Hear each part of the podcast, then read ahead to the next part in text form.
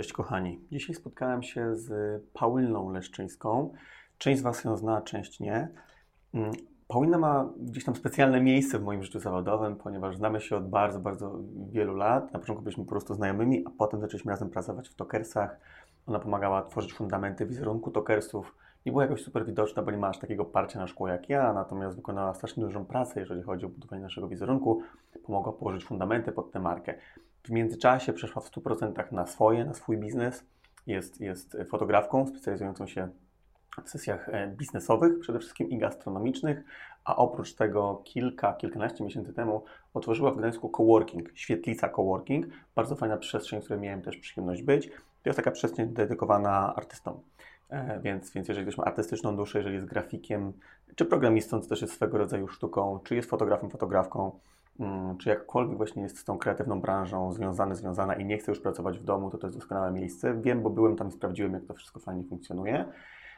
I dzisiaj z Pauliną porozmawiałem bardzo długo, bo chyba około półtorej godziny plik wyszedł, na temat tak naprawdę wszystkich jej najlepszych doświadczeń w kontekście współpracy z fotografem, czyli jak, po czym poznać dobrego fotografa, po czym poznać kiepskiego fotografa, w jaki sposób jako klient zamawiający usługi fotograficzne się zachowywać, żeby móc wycisnąć maksa z danej współpracy, w jaki sposób nie przeszkadzać w pracy fotografowi, bo często nawet nieintencjonalnie, trochę przez przypadek mm, przeszkadzamy lub wymagamy pewnych rzeczy, fotografa, którego blokują i sprawiają, że po prostu to ten finalny efekt tego zlecenia nie jest taki, jakbyśmy sobie wyobrażali.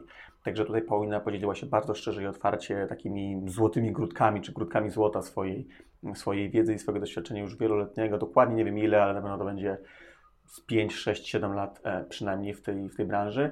Także myślę, że warto posłuchać tego wywiadu, zwłaszcza z tego powodu. A drugą rzecz też ją podpytałem o to, w jaki sposób właśnie prowadzić coworking. Teraz dużo takich biur powstaje, takich współdzielonych przestrzeni. Natomiast no wiadomo, że nie każdy wie, jak, jak to prowadzić z sukcesem. Paulina tak naprawdę jest przykładem osoby, która razem ze wspólniczką stworzyły w Gdańsku przestrzeń, która jeszcze nie zdążyła się otworzyć, a już miała wszystkie, wszystkie miejscówki sprzedane, wszystkie, wszystkie fotele, wszystkie stoliki w coworkingu miała, miała, miały sprzedane, co się w formie abonamentów oczywiście. Także no, od tamtego czasu biznes idzie mi świetnie. Oczywiście mają swoje przygody, jak w każdej firmie, w każdym biznesie, natomiast też Paulina powiedziała otwarcie, w jaki sposób sobie z nimi radzą. Także jest tutaj mnóstwo wartości dla osób, które albo szukają inspiracji do swojego biznesu freelancerskiego, na przykład fotograficznego, ale nie tylko, ale też osób, które chcą tworzyć organizację, taką jak na przykład coworking, w których zaangażowana jest trochę więcej niż jedna osoba, bo to nie jest wiadomo freelancerka, to już jest organizacja jako firma. Także dla każdego coś dobrego. Dotykamy też tematu tego, w jaki sposób współpracować bezpośrednio na linii klient-fotograf, a w jaki sposób y, funkcjonuje współpraca, jeżeli jest to trochę dłuższa linia, czyli klient-agencja-fotograf, no wtedy ta narracja i te rozmowy trochę inaczej przebiegają i na inne rzeczy zwraca się uwagę. Także dla tych z Was, których zainteresowało to, co właśnie powiedziałem, Zachęcam do przesłuchania, za chwilę się to zacznie. E, nie, nie, zwracajcie uwagi na drugie albo trzecie zdanie, które, które powiedziałem, bo powiedziałem, że witam w podcaście, w którym, który nie ma jeszcze nazwy. E, to nieprawda. Prawda jest taka, że podcast ma nazwę. Nazywa się Soczyste Kąski Biznesowe, o czym już pewnie zdążyliście się zorientować. Natomiast ja w ferworze walki po prostu zapomniałem, że mam już ustaloną nazwę. Tak już czasem mam, że jeszcze szybciej mówię niż myślę ale to już mnie z tego znacie. Mam nadzieję, że mi wybaczycie. To by było na tyle, jeżeli chodzi o wstęp. Dziękuję ślicznie za uwagę, no i zachęcam do przesłania podcastu oraz podzielenia się wszelkimi spostrzeżeniami, czy to w komentarzach, czy to w wiadomościach prywatnych. Do usłyszenia. My znamy się chyba długo. Kiedy my się poznaliśmy? Długo, długo. Kiedy to było? Ja jeszcze pamiętam, jak piliśmy kawę na ławce na Monciaku i Zaczęło się od kawy na ławce. I, I nie, to nie była randka. Nie, to nie była randka. Nie była randka. Ale pamiętam, jak mówiliśmy, wiesz co, kurczę, wróciłam z tego Londynu i tak sobie myślę, że a może by tak uczyć angielskiego, może z jakimiś znajomymi, może coś się z tego urodzi. Pamiętam tę ławkę. To było tam na zakręcie przy tym ro, rondzie na Muciaku, niedaleko tak, Maka. Tak, tak, tak. I tak mi opowiadałeś, no i widzisz, siedzimy tu kilka lat później. Prawie i... sześć. No właśnie, nie? To, no to widzisz, mamy odpowiedź, prawie mhm. sześć i rządzisz światem. Przynajmniej Gdynią. Gdynia na razie wystarczy, spokojnie. Małymi kęsami, nie? Dopiero początek. Dopiero początek, dopiero początek. Yy, bo nasza relacja zawodowa z Pauliną tak naprawdę mm, skupiała się głównie na tym, że przez, to było pół roku, pracowałaś z nami? Mm -hmm, mniej więcej mm -hmm, pół roku. Tak. Byłaś naszą marketing manager, to też tak dumnie brzmi, można powiedzieć, albo dyrektorką marketingu. Także no tak, ta Paulina umie dużo lepiej marketing niż ja, wbrew pozorom, spokojnie. E, I e, od już dwóch, trzech lat robisz, robisz swoją rzecz? Od kiedy, kiedy skończyliśmy? To było tak, tak już, dwa, dwa i pół tak roku. już poważnie po swojemu i swoją drogą. Wcześniej wiadomo, jak, jak każdy fotograf. Yy, yy, A nie fotografka? Fotografka. Musisz tak droczyć, Fotografkę, nie? jasne, że tak. Zaczyna się gdzieś szukać, yy, fotografować i dla przyjemności, później pierwsze sesje. Więc tak naprawdę fotografuję już wiele lat, yy, ale faktycznie tak yy, na, na swoim, jak to się mówi, mhm. dzisiaj jestem od, od, ponad trzech lat. Hmm, to już. To już coś poważnego, to już nie jest szybka randka z branżą. Jakiś, jakiś kawałek czasu, myślę. Chociaż dla niektórych mogę być na ten świeżakiem, widzisz. No, zawsze ktoś się znajdzie, kto jakoś chciałby skomentować, nie? E, ale po powiedziałaś, że na początku dla przyjemności, potem już za pieniądze to się wyklucza w tej branży? Oczywiście, że nie. E, chciałbym teraz e, zaznaczyć, jakbyście mogli dać 375 lajków pod tym filmem, żeby troszeczkę dodać otuchy Paulinie, bo mówiła mi, że trochę się stresuje tym nagraniem. Także jeżeli ma 357 lajków pod tym, to nie oglądaj dalej. Chyba, że dałeś swojego, to masz prawo oglądać dalej. Wspomniałeś o takim dosyć ważnym, ważnym aspekcie właściwie w każdej pracy, że w momencie, kiedy pasja przechodzi, ewoluuje w Twoją pracę, jest nadal Twoją pasją, ale tak jak w każdej pracy są też rzeczy, których po prostu nie lubisz, mhm. ale musisz robić, żeby biznes działał, żeby funkcjonował. Więc robi się zlecenia, które są po prostu tak, do celów które zarobkowych, tak, okay. które płacą ZUS. Wcale nie jest taki mały. A wiesz, że teraz zrobili tak, że pierwsze pół roku jest za darmo ZUS-u? Wiem, no ale ja już, ja już dawno nie mam, wiesz. już dawno jesteś na dużym, ale to dobrze, to znaczy, że masz dojrzały biznes, a nie jakiś tam startupik. No, też, też sobie tak powtarzam. To kwestia perspektywy, nie? Wszystko tak, kwestia perspektywy. Więc tak naprawdę, y, tak jak mówisz, no, no są zlecenia, które trzeba wykonać, E, żeby, żeby opłaciły ten ZUS, a, a trafiają się zlecenia, które podniecają znowu ten, ten ogień pasji mhm. E, i tego, e, co, co tak naprawdę sprawiło, że się w ogóle zaczęło to robić. A to skoro mówimy dzisiaj, bo te, tematem przewodnim, o którym wcześniej nie wspomniałem, ale na pewno będzie w opisie tego odcinka, to jest to, w jaki sposób skonstruować współpracę fotografa, fotografki z biznesem. I będziemy patrzeć przez dwie perspektywy. Po pierwsze tak bezpośrednio, że jakaś firma zatrudnia fotografa, żeby zrobił sesję X, E, ale też przez agencję, tak? Bo, bo czasami jest tak, że agencja marketingowa, która obsługuje danego klienta, tak jakby podnajmuje e, takiego podwykonawcę w, w, w, postaci fotografa.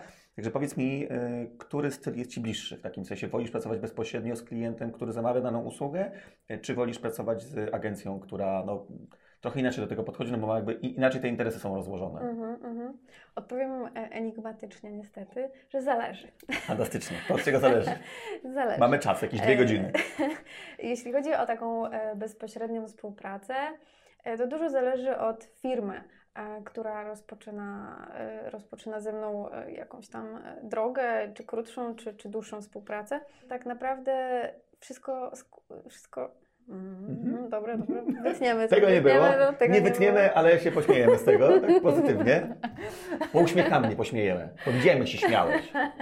No właśnie, gdzieś taką Albo nie tam, bo to tak, do tej kamery. Taką jestem gwiazdą. Ty trochę jak Kuba Wojewódzki, takie do tej kamery, albo nie do tej kamery. Chciałam powiedzieć, e, że, że głównym aspektem każdej współpracy z fotografem jest przygotowanie do sesji. To, jak firma do tego podchodzi, rzutuje bardzo później na współpracę. Mhm. I czy to będzie bezpośrednia współpraca z fotografem, czy przez agencję marketingową, to y, jak przygotują się do sesji, w ogóle całej idei robienia zdjęć, y, jakby, czy zadadzą sobie pytania, dlaczego w ogóle robimy te zdjęcia? No to właśnie jakbyśmy mogli sprowadzić do, bo wszyscy mówią potem mi trzy najważniejsze, ale my mamy za mało pamięci operacyjnej w głowie, żeby mhm. pamiętać trzy.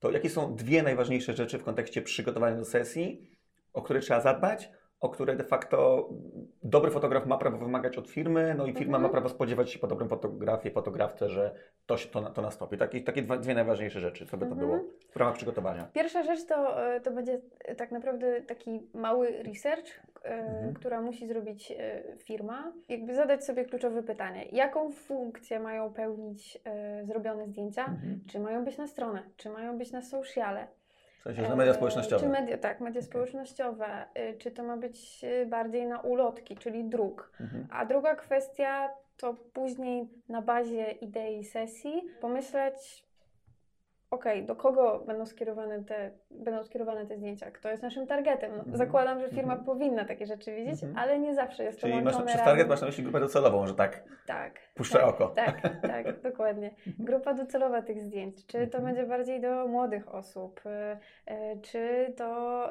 y, mam z dziećmi, tak? Mhm. Czy to ma być bardziej kolorowe, Mhm. czy ma być bardziej klimat taki ciemniejszy, kontrastowy. To to wszystko tak naprawdę Mhm. y, rzutuje później na moją pracę, bo ja wiem, jakie są wytyczne. No dobra, ale, no dobra, no ale je- jestem przedsiębiorcą, który umie budować firmy, ale nie ogarnia takich rzeczy Mhm. estetycznych, wizualnych. No to jakim cudem jestem w Mhm. stanie mm, Mhm. przeprowadzić tę współpracę z fotografem tak, żeby ona po prostu wyszła dobrze? No bo jak mówisz o tym, o tych, wiesz, Tak, o kolorystykach tak, i tak jasne. dalej, to jak ja myślę jako. Wiktor Jedłowski, jako właściciel biznesu, to jest takie, nie mam bladego pojęcia, plus jeszcze jestem daltonistą, więc to już kompletnie, nie? Pamiętam. No więc właśnie, nie? No to, to, to jak się w tym odnaleźć? E, Więc przechodzimy do drugiego, do drugiego punktu bardzo ważnego, o którym, o który się pytałeś. Zaufanie do fotografa, Mhm. czyli spotkanie się z nim na kawę przed sesją, troszeczkę A może być na otwarcie- wodę z kubka Może być na wodę. Jest. Otwarcie się na, e, na jego pytania, tak? Bo, bo jeśli czuję, że faktycznie firma e, czy, czy osoba, która, która koordynuje sesję, zleca mi ją, nie do końca wie, jak sobie z tym poradzić. Mówi, Pani Mauli, Pani Paulino, my nie mamy pojęcia. Może, może Pani nam pomoże Mhm. e, w jakimś, jakimś pomysł, jakiś kierunek na, na tą sesję. I wtedy fajnie, bo ja przyjeżdżam e, i zaczynam zadawać różne pytania. E, I, i na, bazie, na bazie odpowiedzi jestem w stanie już sama mniej więcej Mhm. zaproponować, jak, jak mniej więcej powinny e, Okej. wyglądać, te, te zdjęcia. Czyli, tak się to, czyli z tego, co mówisz, przepraszam, że zaufanie. przerwę, da, da się zrobić to zarówno mając pojęcie, jak i nie mając pojęcia, tylko nie mając pojęcia trzeba po prostu zaufać, skomunikować skomunikować i ufać, Tak. ufać fotografowi, no w końcu po Tak. coś go zatrudniasz, po coś mu płacisz, Tak, po tak. coś on ma jakąś reputację, którą też ma interes, żeby ją Dokładnie, pilnować. dokładnie. Więc taką trzecią ważną rzeczą będzie komunikacja.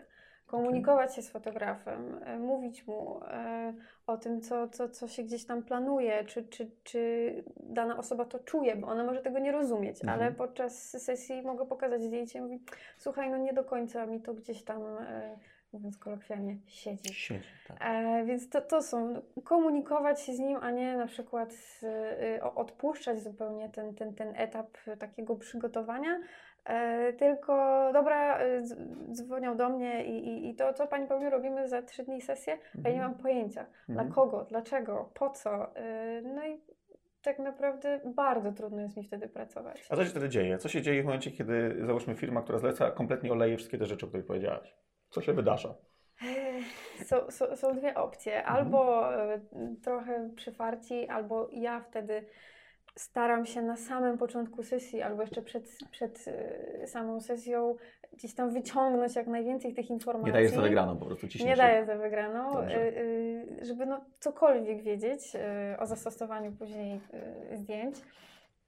E, No, albo jest niestety ta, ta gorsza opcja, czyli, czyli totalnie nie ma żadnych informacji i ja po prostu robię zdjęcia Mhm. tak jak czuję, tak jak, Mhm. tak jak myślę, że, że może to, to pasować. No i czasem wynik jest, jest ok, a, a czasem nie jest ok w tym sensie, że na przykład y, nie zostały zakomunikowane te potrzeby, Mhm. e, więc nie spełnię ich. No bo I, a potem jest strzelanie nie z dupy, wiem. że, że nie zrobiła Pani tego, czego Dokładnie, chcieliśmy. dokładnie. I są, Okej. są pretensje. Albo też po prostu nikt nic dalej nie robi z tymi zdjęciami. I tutaj myślę, że możemy przejść do, do tej drugiej drogi, czyli Mhm. współpracy z agencją marketingową. Bardzo często boli mnie jako fotografa. A nie fotografkę? Fotografa. Dzisiaj się trzymasz. A. Dobrze, dobrze, dobrze. Y, jako, ja, jako fotografka... Będziesz po prostu y, wykołczowana na taką feministkę 100%, nie? Jakbym nie była. Hello. No teraz 120 plus VAT po prostu, 123. No właśnie. E, ba- bardzo boli mnie to jako, jako fotografkę, że. Mm, Czyli jak Cię boli, to może chcesz o tym porozmawiać. Wyłączymy no kamerę. właśnie, właśnie rozmawiamy. Mam nadzieję, że ktoś posłucha i już nie będzie tak No robił. ktoś chyba jest, chyba nas słucha, ktoś. Może oprócz mojej babci i mojego chłopaka posłucha. Jeszcze mojej mamie wyślę. e, że w momencie, kiedy tworzymy sesję, tworzymy, tworzymy zdjęcia, które później powinien być kontentem, czyli jakąś wartością e, przekazywaną naszym klientom bądź odbiorcom, coś musi się dalej zadziać z tymi zdjęciami. Mhm. E, Będzie to albo wstawienie zdjęć na stronę, ale no, w dzisiejszych czasach głównie chodzi o social media, o Facebooka i Instagrama. I powiedzmy, produkujemy naprawdę fajne zdjęcia, fajnie sesja wyszła. Dajemy kupę kasy na nią. Tak, dajemy kupę kasy na nią i później gdzieś tam nawet z ciekawości spojrzę na, na Instagrama y, tej firmy, żeby po prostu z ciekawości, jak te zdjęcia tam fajnie Mhm. się, się ułożyły, jak poszły, jakie zostało napisane do tego copy, czyli tekst, opis. E, I nagle widzę, że albo ich w ogóle nie ma przez miesiąc, albo są wrzucone totalnie bez jakiegoś fajnego tekstu, nie wiem, z jednym emoji w opisie. W ogóle totalnie brakuje tego sprzężenia e, tych wszystkich elementów, które by spowodowały, że byłby taki faktor wow, ale super. Co to jest faktor? E, faktor, e, no, ogólne wrażenie, które, które wiesz, gdzieś tam emanuje, to, to tym oglądamy. Taki czynnik. Taki czynnik. Czynnik X, dokładnie. takie coś sexy, tak. Tak. Nie wiadomo o co chodzi, Jak- ale jest takie... Profesor Atomus do Mm. Z atomówek to, to był ten? Tak. To, było, to była dobra bajka, nie? Zatomówek. Więc jak jakby, może bardziej mówiąc już prostym językiem, em, zdjęcia są jednym ze składników pizzy. A, momencie, lubię kiedy metaforę. robimy Moja ulubiona pizzę- metafora dzisiaj idę na pizzę akurat z moim przyjacielem z USA i będziemy... To jest Dobrze. pół Włoch, pół Amerykanin. Ja bym mogła jeść ciągle pizzkę. No, no to piątka.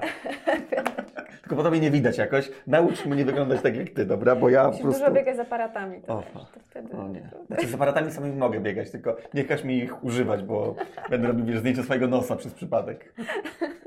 Już sobie lepiej radzisz. Dzisiaj tyle Tak. sprzętu, w ogóle No jestem w szoku. kurde, jest, po- powiem wam, powiem wam, w naszym studiu jest tyle sprzętu, tu jest jeden sprzęt, tu jest drugi sprzęt, wszędzie okablowanie, normalnie do tyłka nawet mam kabel podpięty. Zwracając do tej wspaniałej metafory. Od tyłka do metafory z tak, pizzą. od tyłka do pizzy. Tak naprawdę, jak, jak chcemy zrobić e, super pyszną pizzę, musi być i dobry ser, i dobry sos pomidorowy, i dobre ciasto, i dobre, e, nie wiem, mm, salami. Mhm. Tak, no to, no to zdjęcia powiedzmy e, są, są tym sosem pomidorowym. A jaka To jest twoja później- pizza? Z pastą truflową, Wow, salami i wow, mascarpone. To tak na bogato. To musisz mieć dobre stawki za te, za te sesje, żeby cię było stać na taką No pizzę. hello. Ale ja też tak mam, bo ja super Supreme z Pizzy Hut to mogłem wciągać codziennie, nie? Jak widać po moim brzuchu też mam super Ja Supreme. polecam kreskę mąki na Morenie i teraz Tak? jeszcze na Przymorzu są wszystkie przepyszne. mąki, to otagujemy ich, żeby nam tam dali szera. Przepyszne. Ja polecam ogniem i piecem w Gdyni. No też, też, też, Mm. też super.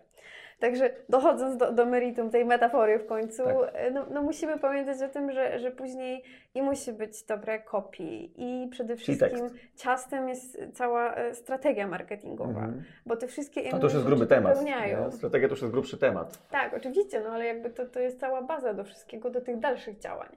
E, więc, więc zdjęcia, kopii, wideo, e, później Instagram, Facebook, to są, to są te dodatki, które czynią, Mhm. że z tego ciasta nagle powstaje ekstra pyszna pizza. Mhm.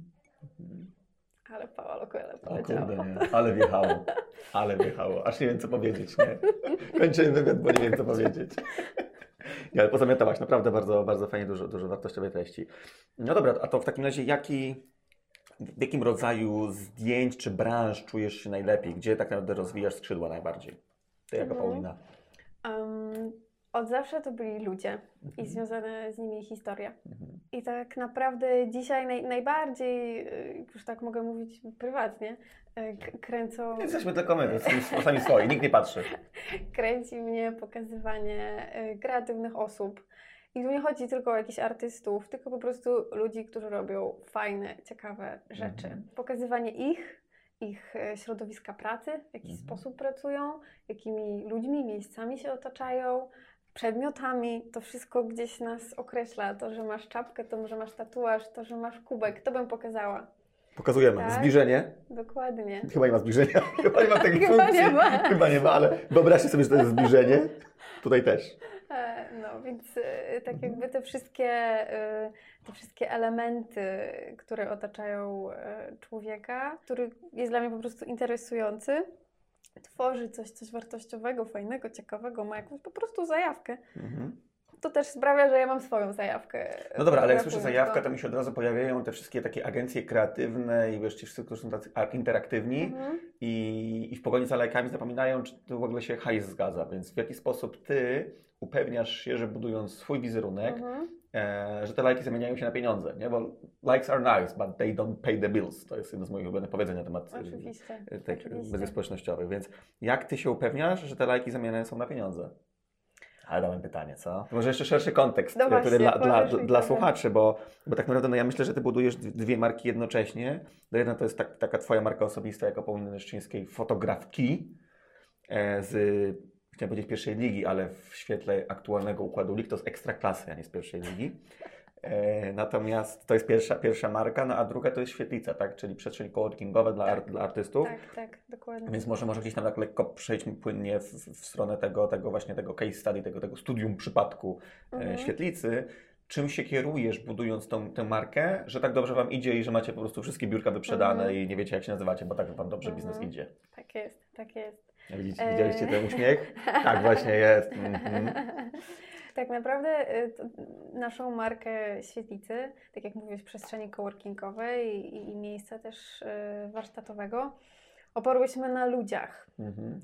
Na ciekawych, e, fajnych, ambitnych ludziach, którzy nie chcieli siedzieć już w domu, mieli Mhm. tego dosyć. A nie w kawiarni. Tak, ani w kawiarni, tylko chci, chcieli mieć po prostu y, miejsce pracy, ale też, które nie będzie takim klasycznym, dosyć surowym biurem. Mhm. Więc oczywiście jednym elementem było stworzenie fajnej przestrzeni, ciekawej, kolorowej, designerskiej, która będzie przyjemna. Y, Bardzo często nam się y, to zdarza, że mm, osoby, które przychodzą do świetlicy chcą zdejmować buty, O, no w końcu są świetlice, nie? Co myślę, że bardziej chodzi o ten taki domowy klimat. Jest bez nadęcia, nie ma, Mhm. nie ma jakichś szklanych ścianek, które u wielu osób przywołują takie troszeczkę korporacyjne skojarzenia. tak. Ja nie mówię, broń Boże, że korporacje są złe, ale Każdy po ma swój prostu fetysz, nie? mówimy o konkretnym miejscu pod też e, konkretnych e, ludzi. Więc ten domowy klimat, mówię tutaj przestrzeń e, z określonymi cechami, ale drugim najważniejszym aspektem było budowanie społeczności. Okej. I jak to zrobiłyście? Powiem, że jesteście we dwójkę. Masz wspólniczkę. Tak, tak. Mam wspólniczkę Kasię, która jest. To pozdrawiamy e, Kasię. Pozdrawiamy Kasię. Do obu kamer. Architektem, grafikiem. A nie architektką? E, Graficzką? graficzką, projektantką. A! Dobrze, że ci Widzę te lajki, ale nie te lajki, tylko te takie angry lajki od feministek. Kocham Was, wiecie o tym. E, więc więc e, Ka- Kasia jak najbardziej tutaj, chodzi o tą stronę wizualną, no, no, zmiotła konkurencję z, z przestrzeni. Mhm. E, ale też bardzo od początku miałyśmy spójny, spójną wizję właśnie jak budować tą społeczność. Zaczęłyśmy tak naprawdę pokazywać ludzi, którzy e, u nas e, pracują, którzy mają u nas biurka, ale nawet nie od strony co robią, czym się zajmują, tylko po prostu jakie mają zainteresowania, E, tak, ktoś jest zajawkowym podróżnikiem, ktoś e, lubi malować sobie po godzinach w domu, a ktoś uwielbia życie rodzinne i, i sobie jeździ e, na wieś wykopywać w weekend studnie. Jakby my znamy te historie, bo bardzo Mhm. dużo rozmawiamy z tymi, Mhm. z tymi osobami. Czyli, czyli kolejny aspekt, y, pokazywanie ludzi, ale też tworzenie z nimi od początku relacji. I to Mhm. takich bardzo głębokich. Właściwie pierwsze miesiące masę czasu poświęcałyśmy na to, żeby być codziennie, Mhm. wychodzić na lunch y, z nimi wspólnie. Mhm. Organizowałyśmy, czy nadal organizujemy troszeczkę, troszeczkę teraz rzadziej, bo, bo jest okres, okres wakacyjny i, i troszeczkę jest mniej osób na miejscu. Wspólne kawy czwartkowe i raz w miesiącu wspólne śniadanie, które zawsze przeobraża się w wielką biesiadę i, i jak robiłyśmy e, stories na Instagrama, to, to zawsze najwięcej lajków, komentarzy, te śniadania wręcz zrobiły się takim trochę rozpoznawalnym e, eventem u nas. E, No i organizowałyśmy też dużo takich wydarzeń, nawet pro bono. Tak naprawdę nie, żeby nie stricte z takim celem biznesowym, ale właśnie, żeby pokazać nasze miejsce, pokazać, że, że, że po prostu chcemy robić coś fajnego, chcemy integrować społeczność. E, Były to na przykład, był to na przykład networking dla freelancerów, e, różne warsztaty, inne otwarte eventy. A później to już taka troszeczkę była kula śnieżna, naprawdę masę pracy, którą żeśmy w to włożyły. Później pokazywane też właśnie w, w social mediach y, ta społeczność, życie w ogóle społeczności. No, w- w moim przypadku był du dużym też wkładem były właśnie zdjęcia, y, dokumentowanie te tego naszego życia codziennego y, w świetlicy. No to po prostu napędziło bardzo mocną kulę do tego stopnia, że właśnie mamy listę rezerwową i wręcz mamy Czyli macie program. więcej klientów niż miejsca. Tak, tak, na ten moment, tak. Mhm.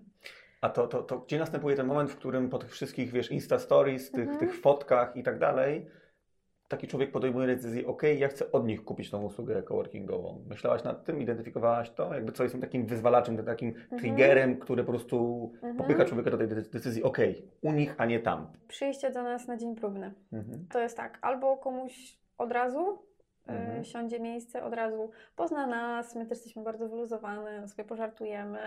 Y, Chyba, że jesteś przed kamerą. To jest troszeczkę mniej. Paulina normalnie jest trochę bardziej wyluzowana. Ale mam nadzieję, mam nadzieję, że w miarę daliśmy radę i obiektyw pokazuje w miarę zrelaksowaną tutaj panią gość wywiadu. E, ale, ale właśnie ten, ten dzień próbny, jakby e, wejście do tej przestrzeni i poznanie ludzi innych. Mhm. i nas. No jednak na samym początku to my byłyśmy tym głównym bazą, korem, który jednak Takim przyciągał. trzonem. Tak, dokładnie. Teraz już pracuje z nami Ola. Ola, pozdrawiam. Pozdrowa. I, I gdzieś tam wspiera nasze działania. E, więc też powoli gdzieś ten ciężar pewnie będzie się na nią przenosił, e, ale, ale od samego początku to byłyśmy my. Więc poznanie nas, zobaczenie przestrzeni i zawsze stawiałyśmy też bardzo od razu na integrację. W innych coworkach, w których miałam okazję być, siedzieć chwilkę, bardzo mi się to nie podobało, że mm, na przykład siedziałam przez tydzień przy biurku i nie miałam pojęcia, jak nazywają się osoby, powiedzmy, Mhm. nie obok mnie, no bo po prostu spytam się, jak, jak masz na imię, Mhm. ale na przykład w innych częściach coworka. A u nas jest zawsze przynajmniej taka zasada, że jak ktoś przychodzi nowy, to ze wszystkimi go przedstawiamy, zawsze robimy tą wspólną kawę, Mhm. albo nawet jakiś wieczór, wyjście integracyjne. Y, Jakby bardzo się staramy, żeby ta nowa osoba mogła tak, może czasem trochę ją wrzucamy na głęboką wodę, bo to też y, dla niektórych jest może przytłaczające, że nagle musi poznać 20 osób, Mhm. ale z drugiej strony dzięki temu jest takie bardzo szybkie przełamanie y, y, lodów y, pierwszych i szybciutko się integruje, wtedy się też dobrze czuje, bezpiecznie w tym miejscu, a, a to są też ważne aspekty coworkingu. Mhm. E, Także jakby to spiąć taką klamrą, e, no, zdjęcia są bardzo ważnym aspektem budowania takiej marki, e, bo właśnie pokazują ludzi, pokazują co robią, jak się czują, pokazują emocje. Oczywiście wideo jak najbardziej też stosujemy, stories są mega ważnym aspektem naszego, naszej marki, naszego Mhm. Instagrama. Właśnie, bo my też zrobiliśmy trochę stories przed tym wywiadem, nie? Dokładnie, też ważna rzecz. Także ten, y, małpa Paulina podpierdolnik Leszczyńska? Paulina, no, Leszczyńska. podłoga, ja to mówię, Tak, podpierdolnik. podłoga. Podpierdolnik, czyli podłoga. Paulina podpierdolnik Leszczyńska, y, Wiktor bez podpierdolnika Jodlowski. Y, Okej, a powiedz mi, mm, bo powiedziałaś o tym, jak pytałem o to, jak zamieniać te lajki na, na pieniądze, to, to powiedziałaś, że ten dzień próbny robi robotę i to wszystko, co robicie wtedy wokół tego, jak ten człowiek już się znajdzie w waszym coworku. Natomiast y, moje dodatkowe pytanie brzmi, mm, jak w ogóle, znaczy nie jak go ściągnąć, tylko tego klienta, czy, czy, czy co sprawia, że on w ogóle na ten pierwszy dzień chce przyjść? Że on Mhm. decyduje, że chce przyjść na dzień próbny do Was, a nie gdzieś indziej. Mhm. Bo jak już go macie w, u siebie w coworku, no to już jest względnie łatwa robota. Nie wiadomo, że nie ma nic Oczywiście. łatwego, nie ma nic za darmo. Oczywiście. Natomiast już no, dużo łatwiejsza niż w ogóle sprawić, że ten ktoś w ogóle pomyśli i rozważy, że okej, to ja mogę iść do nich w momencie, kiedy ma tyle opcji, Tak, zwłaszcza, teraz coworkingu się otworzyło w Aha. cholerę. Nie? Oczywiście, teraz jest pełno opcji. Najczęściej słyszymy, bo pytamy się zawsze o to na, na, na Mhm. takiej pierwszej zapoznawczej kawie, jak ktoś do nas przychodzi na spotkania i zwykle mówią o Instagramie. Mhm. E, a druga opcja to, że znaleźli nas po prostu jakoś przez internet i tym czynnikiem była fajna strona. Mhm. Fajna w kontekście tekstów, e, zdjęć, kolorów, czyli coś jakby no strona jest bezpośrednim sprzężeniem y, z naszą marką, czyli ma odzwierciedlać nasze idee, No tak. e, to jaki jest też klimat e, u nas e, w środku świetlicy. Więc e, jak tworzyłyśmy stronę, to, to, to bardzo stawiałyśmy też gdzieś tam nacisk, żeby było widać e, tych ludzi, e, to, to, to wnętrze i żeby te teksty były też takie, takie w naszym, w naszym stylu, Mhm. wyluzowane, tak? E, Żeby było czuć, że przychodzisz do tego miejsca i, e, i i tutaj nikt nie będzie o, e, jesteśmy tam, nie wiem, artyści. E, A Instagram to też zazwyczaj zazwyczaj nasi nowi coworkerzy mówili, że właśnie stories, to, że mogą tak troszeczkę podejrzeć, jak, jak to życie wygląda i właśnie ludzie. Po- Podobali mi się po prostu inni ludzie, którzy Mhm. tam siedzą, jakby komunikowali to mniej więcej w ten sposób, że, że, że czuli, że to będzie dla nich miejsce ze względu właśnie na tą społeczność. Mhm. No bo tak naprawdę dlaczego ludzie y, wybierają coworking zamiast pracy w domu? Przecież Mhm. to byłoby tańsze, tak? Przecież sobie y, zwykle osoby, które pracują gdzieś tam stacjonarnie albo na etacie w jednym miejscu zastanawiają się, Boże, możesz pracować w domu, o co Ci chodzi? Ja dostawałam na takie pytania, jak możesz gdzieś w ogóle iść w inne miejsce i za to płacić? Mhm. ale po trzech miesiącach pracy w domu człowiek już kompletnie nie wytrzymuje. Nawet jak jest y, skrajnym introwertykiem, na dłuższą metę to nie jest korzystne. A ty uważasz siebie za skrajną introwertyczkę? e, Nie, ale pomyślałam o jednej konkretnej osobie, która, która do nas y, przyszła i, i po prostu w przeciągu kilku miesięcy się tak otworzyła, zmieniła, że sama mówi, że siebie nie poznaje, Mhm. a pracowała 10 lat w domu Mhm. a nas jest y, pół roku. Y, Więc jakby y, wracając, po prostu nie da się za długo być w domu. Ja oczywiście znam osoby, które sobie z tym gdzieś tam odnajdują się, tak? Każdy ma, ma, ma swój jakiś tam najlepszy model, ale mówiąc tutaj stricte o osobach, które wybierają coworking zamiast pracy w domu, oni szukają tego kontaktu z innym Mhm. człowiekiem. Mhm. No bo przecież mogliby dokładnie to samo robić w domu, ale w domu siedzą sami, tak? Od, przez te 10, y, 10 godzin. Kolejny aspekt. y, W domu nie mogą powymieniać się z kimś innym swoim pomysłem, albo jak odpisać na trudnego maila do klienta, albo po prostu opowiedzieć coś, co go w tym momencie kręci i druga osoba to słyszy, mówi, o super, to chodź zrobimy coś razem, zróbmy Mhm, razem jakiś mhm. projekt. Mhm. Było kilka takich przypadków, tak? Plus oczywiście y, wiemy, kto co robi, czym się zajmuje przez to, że ze sobą rozmawiamy. Y, więc jeśli słyszę, że ktoś na przykład potrzebuje, nie wiem, strony internetowej, to wiem, że Piotr u nas jest po prostu specem od tego, pracuje dla, nie wiem, tworzy tam strony dla BBC, jakichś w ogóle zagranicznych marek, albo że mamy Darka, grafika, który y, tworzy mm, pracę dla NBA. Y, Na NBA, tej ligi koszykarskiej, czy... Tak? naprawdę. Ja myślałem, że MBA, tych studiów. Nie, NBA. To chyba się z- zapoznam z Darkiem, tak? tak. Darek, to super, super. Bo wiesz, koszykówka super to moja druga miłość po, po piłce Super nożnej. ziołek, no, Tak? Darek jest ekstra. Albo właśnie ktoś Darek, potrzebuje... idę do ciebie. Darek, szykuj się. Zarezerwuj mi tam jakieś miejsce w, w tej, w kuchni. E, Albo właśnie ktoś potrzebuje sesji, tak? Jeszcze oprócz mnie są, e, są trzy fotografki, albo graficy, architekci. Więc jest e, fajny taki miks różnych zawodów. I po prostu w zależności słyszymy, że ktoś coś czegoś potrzebuje. Modulujecie to, łączycie ludzi ze sobą. Dokładnie, po prostu Taka trochę taki- swatka biznesowa. Tak, jest, jest naprawdę pozytywny networking, więc to jest kolejny aspekt, który no, no, w domu nie poznasz takich osób. W domu nie zdobędziesz nowego zlecenia siedząc przy ścianie. No nie zdobędziesz, tylko dużo trudniej, nie? W inny sposób oczywiście, bardziej online, ale, ale wydaje mi się, że, że w, dzisiejszych czasach, boże jak to zabrzmiało, ale dzisiaj no po prostu ciągle siedzimy w tym online, inter, internecie, w tych telefonach. Oczywiście ja jestem kompletnym zwolennikiem, bo masę zwolenniczką. Ktoś jakby mógł zacząć prowadzić jakiś, jakiś ranking, w sensie liczyć punkty. Już takie już kreski. jakieś. Dokładnie tak, już tak cztery i tak krecha pozioma. E, Bo, bo internet daje nam po prostu masę wspaniałych możliwości, ale czasem warto gdzieś tam wrócić do tych korzeni i jednak pogadanie z drugim człowiekiem offline. Ja bym w ogóle poszedł, też poszedł dalej z tym stwierdzeniem, które powiedziałaś, bo ja często jak gadam z, z klientami, nie tylko to, to mówię, że najgorsze, co można sobie zrobić, to być super fajnym w internecie, a potem być totalnym sztywniakiem czy sztywniaczką, wiesz, na żywo. Zgadzam No wtedy cały, cały czar pryska po prostu i już według mnie już lepiej w ogóle się nie pojawiać w online, a być naprawdę, dopracować tak jakby siebie i swoją prezencję Mhm. i to, co się sobą reprezentuje y, w świecie rzeczywistym. I dopiero potem uczyć się małymi krokami wejścia w online, niż po prostu, wiesz, kreować perfekcyjny obraz jakiegoś, wiesz, influencera albo blogera albo kogokolwiek innego w internecie, a potem jak się z nim spotkasz czy z nią, to wiesz, to, to ani nie pogadasz, a jak już pogadasz, to albo jest chyba drętwa, sztywna, albo no, po prostu, no, Mhm. ciężka Miałeś takie komunikacji. przypadki? Wiesz co? Yy, jeden taki bardzo wyraźny. Jeden taki bardzo wyraźny, gdzie gościu na swoim blogu jest generalnie naprawdę, jest, jest ziomem, jest fajny, a jak spotykasz się z nim na żywo, to po prostu nawet powiedzenie do niego cześć jest dziwne. Nie? Okej. I ku- kumam to, że e, że nie każdy jest taki, wiesz, e, ekstrawertyczny i tak otwarty i nie każdy sobie radzi tak dobrze z tymi relacjami takimi interpersonalnymi. Natomiast jakby, no mówię, jakby pokazywanie się jako tak bardzo cool w internecie, według mnie działa wtedy na niej korzyść. Jakby wtedy pokaż w internecie, że tak nie jesteś introwertykiem, nie? Jakby jak tworzysz te treści, to pokaż, że nie jesteś taki, który wyskakuje z lodówki, to jesteś taki spokojny, spokojna, stonowana, nie? A on jest super cool w internecie i super sztywny w offline. No właśnie, tu chyba y, wracamy też do ważnego punktu, czyli bądź autentyczny. Autentyczność dzisiaj jest czymś, myślę, bardzo ważnym i, i to jest też coś, co bardzo kieruje, kieruje mną podczas y, tworzenia zdjęć.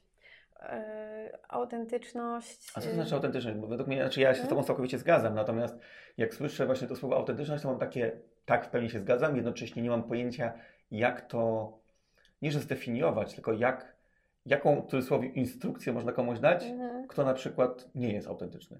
Mhm. Wiadomo, że to musi być też w sercu, więc pewnie nie przeskoczymy. Tak, oczywiście. Natomiast takim osobom, które powiedzmy są na, na barykadzie, że tak jakby mają, mają ten potencjał, żeby pokazać prawdziwą mhm. siebie czy prawdziwego siebie, e, ale na przykład wcześniej nie miały odwagi, to jakie wskazówki można takim osobom mhm. dać? Mm, na to zwrócić uwagę na przykład w swoim zachowaniu, żeby pokazywać prawdziwego czy prawdziwą siebie. Tu na pewno fajnie ten aspekt wychodzi podczas sesji wizerunkowych, mhm. sesji portretowych. Mhm.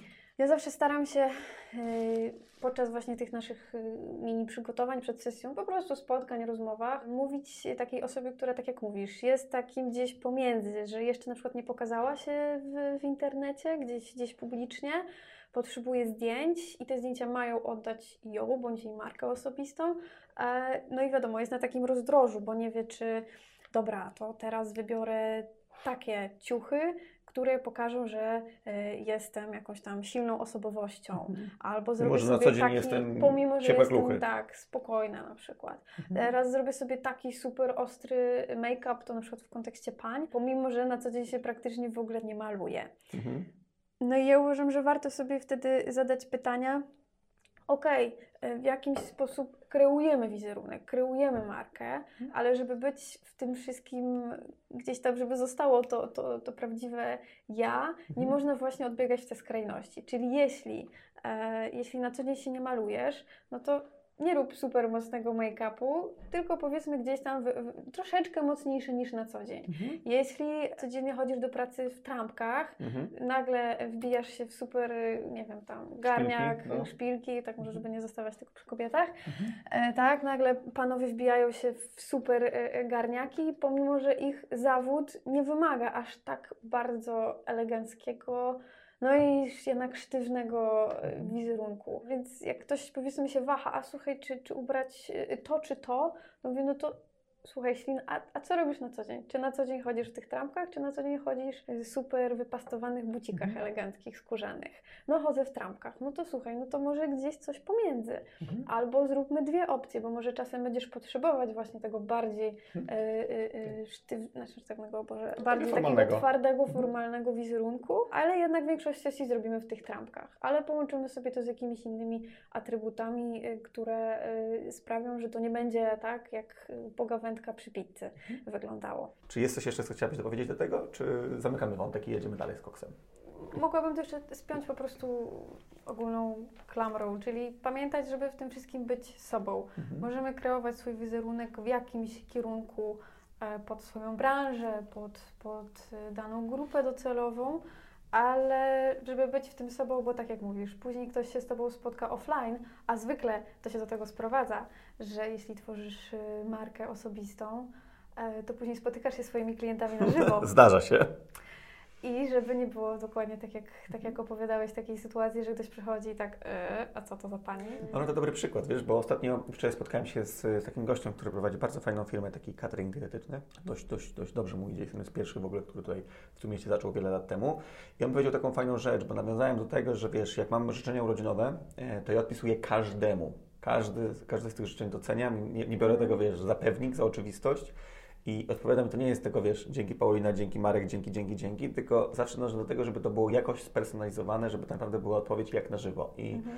mm, I myślę, że to jest taka pułapka, w którą wiele osób może wpaść, bo, bo tak, ja i w świecie online jestem taki społeczny, taki ekstrawertyczny, natomiast jak się mnie spotyka na żywo, to ja też generalnie z każdym, z kim mogę, wchodzę w interakcję, nie? Natomiast teraz wyobrażając sobie sytuację, kiedy ktoś właśnie podpatrzył to w cudzysłowie na przykład u Wiktora, zrobi to samo u siebie, a potem w offline jest sztywniakiem, mm to to po prostu się nie, no, no, no nie trybi, nie? Jakby tak, jest ten tak. dysonans tak. i de facto lepiej już w ogóle tego nie zrobić i dalej mieć tą, tą powiedzmy tą łatkę tego cichego, spokojnego, tak, niż próbować taką... być cool i wyjść tak de facto, no... Jeszcze taką antyreklamę, bo no, zapamiętałeś to, że był taki dysonans, więc to, to jest to właśnie. To jest no. to. Lepiej zostać sobą, jeśli nawet dzisiaj jest takie troszeczkę nastawienie, y, żeby, no, szczególnie na Instagramie, tak, pokazuj się przed kamerą, stories, jakby to jest y, ważne, ale jeśli jesteś tym introwertykiem i się w tym nie czujesz, to być może znajdziesz inną drogę promocji siebie, która będzie po prostu dla Ciebie. Albo znajdziesz wspólnika, który już taki jest, albo wspólniczkę. Albo ale z patentów, który polecam. Inną drogę po prostu, dokładnie. No, a nie na siłę teraz wow, wow, wow, jestem mhm. ekstrawertykiem, pomimo, że na co dzień gdzieś tam cichutko mhm. sobie siedzę w Jasne. grupie. No inną drogą, która od razu mi przychodzi do, na myśl, to jest po prostu to, że taka osoba, która nie czuje się dobrze przed kamerą albo przed obiektywem na zdjęcia, może przecież pisać piękne teksty i generalnie Dokładnie. budować swój wizerunek dobrymi blog postami albo Dokładnie. tekstowymi postami na przykład na Facebooku, nie? Które... Albo nagrywać podcasty. Albo nagrywać podcasty, nie? Natomiast tam to już, no wiadomo, to już jest pewnie, tak mi się wydaje przynajmniej, że, znaczy, wydaje mi się, ponieważ ja z żadną z tych form nie mam problemu, nie? Natomiast jak miałbym tak intuicyjnie na ten temat się wypowiedzieć, to no to wiadomo, że najbardziej stresujące jest wystąpienie przed kamerą, trochę mniej pewnie jest y, stresujący podcast, a najmniej stresujący jest tekst, który zawsze można, wiesz, dopieścić, wyedytować mhm, i, tak i gdzieś tam zabezpieczyć się z każdej strony, gdyby ktoś chciał się do czegoś przyczepić. Wiadomo, że zawsze ktoś się może do czegoś przyczepić, nie? chociażby do, w ogóle do tezy postawionej w tekście. Nie? Natomiast tekst daje, napisanie tekstu daje tę możliwość wyedytowania tego niemalże do perfekcji. Także na pewno tak. dla introwertyków, którzy szanują takie, takie detale e, i zwracają uwagę, no to to jest dla nich fajny, fajny format, w którym mogą się i wyżyć artystycznie i jednocześnie budować markę biznesową. I być sobą. Dokładnie, dokładnie. A powiedz mi proszę, a propos tej autentyczności, bo to jest myślę taki temat, który warto eksplorować w nieskończoność tak naprawdę. Yy, co uważasz o tym, że o, o takim stwierdzeniu, że autentyczność to również mówienie o swoich błędach i wadach, takim otwartym? Zgodziłabyś się z tym, czy nie? Tak, tak. Oczywiście. nie było tak. scenariuszowane. Jak najbardziej, bo, bo to, jakie błędy popełniamy, też jest częścią nas i mhm. naszego charakteru. I e, to, jak prowadzimy biznes. Mhm. E, I wręcz mam wrażenie, że, że to, że przyznajemy się to, do tych błędów, e, pokaz, pokazuje nas bardziej od tej ludzkiej strony. Mhm. A dzisiaj właśnie, a propos tej autentyczności, mhm. ludzie poszukują, e, poszukują osób, które nie są bogami, mhm. nie są ideałami. Mam wrażenie, że dzisiaj bogami właśnie stają się ci, którzy kreują się na antyboskich. Mhm, mhm. To jest z kolei taka, moim zdaniem, inna skrajność, mhm, mhm. ale, ale powiedzmy, będąc tam pośrodku mhm. e, tych, tych, tych dwóch skrajności, e, to powoduje, że, że klienci, mam wrażenie, że wręcz więcej Ci ufają jestem w stanie bardziej zaufać, bo, bo, bo nie jest to takie podszyte um, tym takim ideałem, że zawsze wszystko będzie perfekcyjnie, że... że, że... Bo nigdy nie jest, to jest jak naprawdę iluzja, nie? Nie? Jesteśmy ludźmi. Każdy może mieć gorszy dzień, każdy może być, nie wiem, chory, że nie, że może, ma. Pełnić jakiś błąd po prostu. Jakby y, uczymy się cały czas, doświadczamy pewnych, y, pewnych rzeczy, y, więc to, że jesteśmy w stanie się do tego przyznać, no tylko sprawia, że, że klienci bardziej nam zaufają, czy, mhm. czy nasi odbiorcy. A masz jakąś taką prawdziwą historię, którą ty opisałaś, albo twoja wspólniczka? Wiedziałam, że, wiedziałam, że to się spytasz. Bo ja się mam czym chwalić, ale podcast jest o tobie, a nie o mnie, więc... Mhm.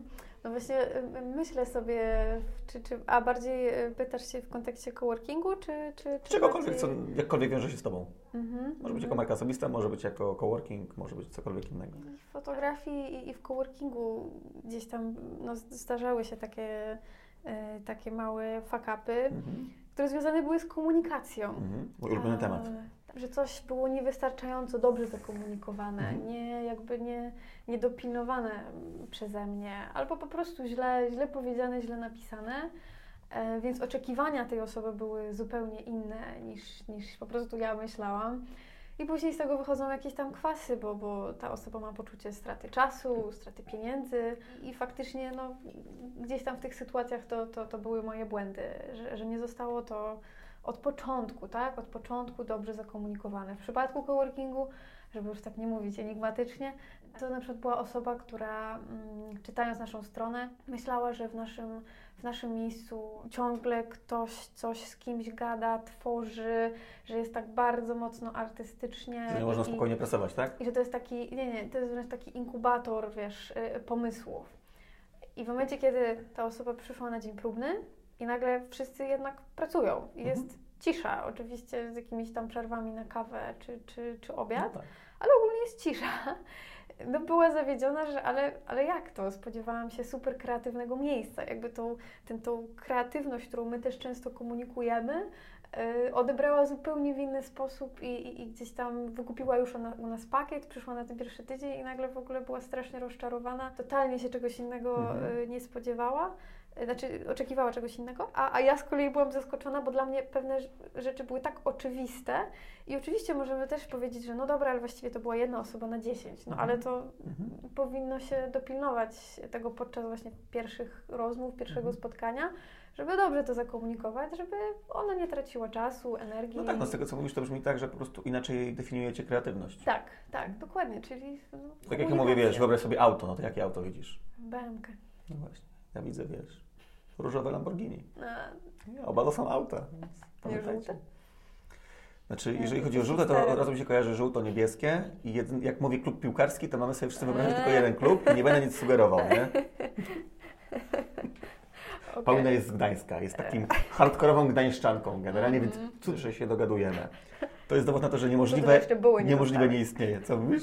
Cud, że jeszcze było nie dostali przede wszystkim stawki za... Buła to zaraz będzie. Jakiś burger przyjedzie po prostu. Będzie buła.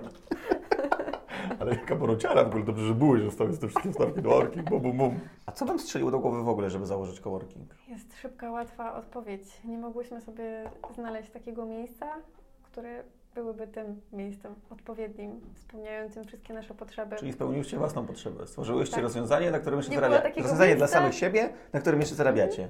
Nie było Tak takiego, trzeba żyć. Nie było po prostu takiego miejsca w Gdańsku. Mówię tu o naszych konkretnych, personalnych potrzebach. Mhm. E, Nie było takiego miejsca, więc stwierdziłyśmy, że po prostu je stworzymy. A, a że Lubię to zawsze... takie fuck it, let's do it. Dokładnie. Zawsze nam podobała się bardzo idea coworkingu. Ja osobiście gdzieś tam miałam okazję siedzieć właśnie w dwóch y, i wypróbować, jak, jak to wygląda. Kasia potrzebowała pracowni i też nie chciała znowu siedzieć, nie wiem, tylko, y, tylko ze mną, czy tam z trzecią Mhm. osobą. E, więc y, to było takie sprzężone troszeczkę z, ze znalezieniem właśnie y, tego naszego lokalu w kamienicy, no, który ma jednak spory metraż, bo 130 metrów. E, więc od razu wiedziałyśmy, że okej, okej, to jest super Sporo miejsce. kreatywności tam się zmieści. Dokładnie, żeby było i studio, i, i będziemy mogły też prowadzić naszą działalność warsztatową, która mega nas e, kręciła i kręci. E, I będzie też dużo miejsc na, na biurka, więc wtedy idziemy stricte już biznesowo w coworking. Mhm. Wcześniej, wcześniejsze założenie było takie troszeczkę, żeby po prostu te biurka utrzymywały y, czynsz, po prostu pokrywały czynsz. No ale jak już była taka duża przestrzeń, można Się było nagle okazało, że chciałyśmy wyjść na zero, a zarabiamy ciężki hajs, nie? No, jeszcze nie Zbliżenie. ciężki, ale będzie. Zbliżenie. Ale będzie. Zbliżenie.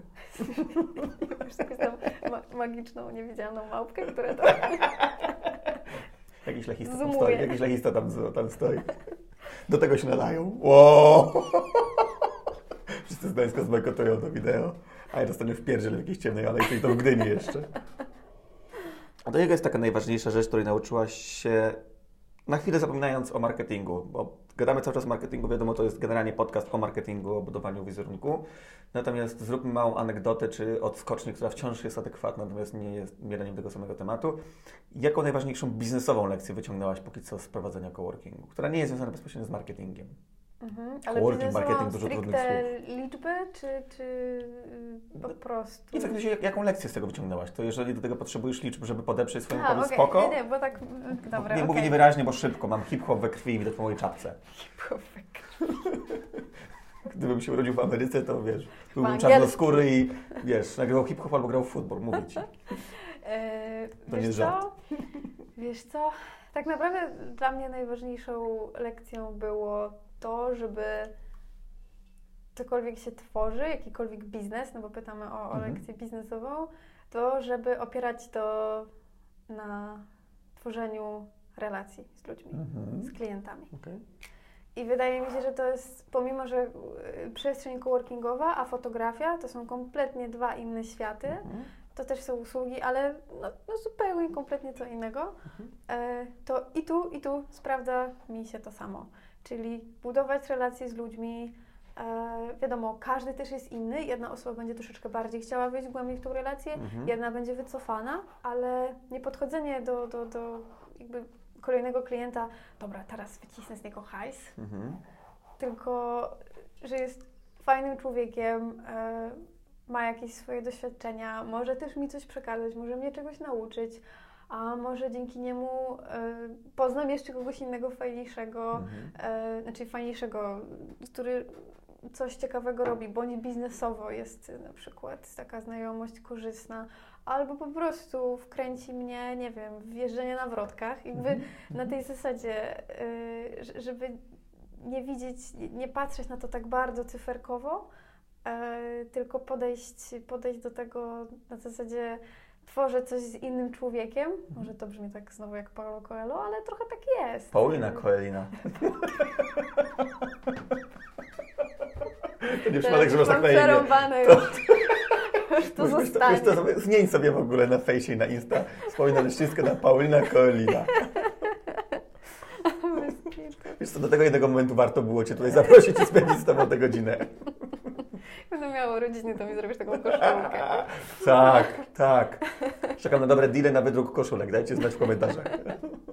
E, No, ale, ale y, wracając do mojej y, o- opowieści, to, to, to, to żeby po prostu no, no, rozmawiać z ludźmi, słuchać ich, słuchać jakie są ich potrzeby. E, Potem mam przewrotne pytanie. Po czym No. poznajesz, że osoba, z którą trzymasz jakąkolwiek relację, jest wampirem energetycznym? Tak na zasadzie, że wiesz, tylko bierze, bierze, bierze, nic nie Mhm. daje, no to to jest na pewno gdzieś tam mhm. jeden z papierków lakmusowych, nie? Mhm, Takich wskaźników. A po czym jeszcze poznajesz? I jak sobie z tym radzisz wtedy? No takie dosyć oczywiste, tak? Jeśli osoba, tak jak mówisz, bierze, bierze, bierze, a nic nie daje, czyli przychodzi i tylko gada przez pół godziny i nie zada Ci ani jednego pytania, typu Trochę tak się tak czuję, nie? Gadasz i gadasz, nie? Żadnego pytania nie zadajesz. czuję się ignorowany. O, ale, ale, nie, no, Ale a propos, przepraszam, nie? ale mi anegdota przyszła a propos zadawania pytań. To mam taką anegdotę na jednej z rozmów kwalifikacyjnych. Yy, No, zadawaliśmy dużo- serię pytań naszej lektorce, jeszcze w Tokersach, jeszcze przed tym, jak zacząłem budować agencję Long Game. I, I zadajemy te pytania jedno za drugim, po czym dziewczyna mówi, zadajecie strasznie dużo pytań, może ja Wam jakieś zadam teraz? A ja tak, ja taki i mówię, wiesz co, no, na koniec mamy zawsze przewidziany czas na pytania z Twojej strony Plus tysiąc punktów. Tak, za odwagę. Mamy zawsze przewidziany czas na pytanie na końcu, nie? Natomiast no, jakby taki format jest, że póki co to my zadajemy pytania, no to nie, nie do końca była chyba w stanie wtedy to przetworzyć i ta rozmowa nie poszła już potem dalej w dobrym kierunku. Natomiast, natomiast tak, tak, o, tak. Myślałam, że będzie happy end. Właśnie z nią jakoś tak nie, nie pyknęło, nie? Ale tak a propos tak właśnie anegdotek rekrutacyjnych tutaj do wszystkich y, pań i panów z HR-ów puszczam oko. Na pewno macie jeszcze bardziej ciekawe historie niż ja. To w sumie zapiszę sobie, żeby wysłać to do wszystkich, y, do wszystkich osób, y, które pracują w HR-ach, żeby mogły skomentować ze swoim insightem. Z tego miejsca pozdrawiam Gosię Wasilewską z Yameo, której tym bardziej wyślę to wideo, bo ona robi takie wygłupy. Nie, no także no, tak jak odpowiadając na Twoje pytanie, jeśli czujesz, że, że powiedzmy tworzysz jakieś projekty z, z, tą, z tą osobą i, i, i Ty ciągle wszystko organizujesz, Ty ciągle, to już może stricte fotografii teraz pomyślałam, e, ty, ty, ty wszystko organizujesz, y, zarządzasz tym, przejmujesz się, a druga osoba na przykład przychodzi tylko na gotowca, Mhm. i na tym opiera się wasza, wasza relacja biznesow, biznesowa, Mhm. no to no to czujesz, że coś tu jest jakaś, y, ten ciężar jednak jest ciągle po, po Twojej stronie. No i to się tak samo, myślę, ten aspekt łączy z tym, z tą prywatną relacją, czyli, czyli jeśli ktoś tylko właśnie przychodzi y, i, po prostu wylewa Mhm.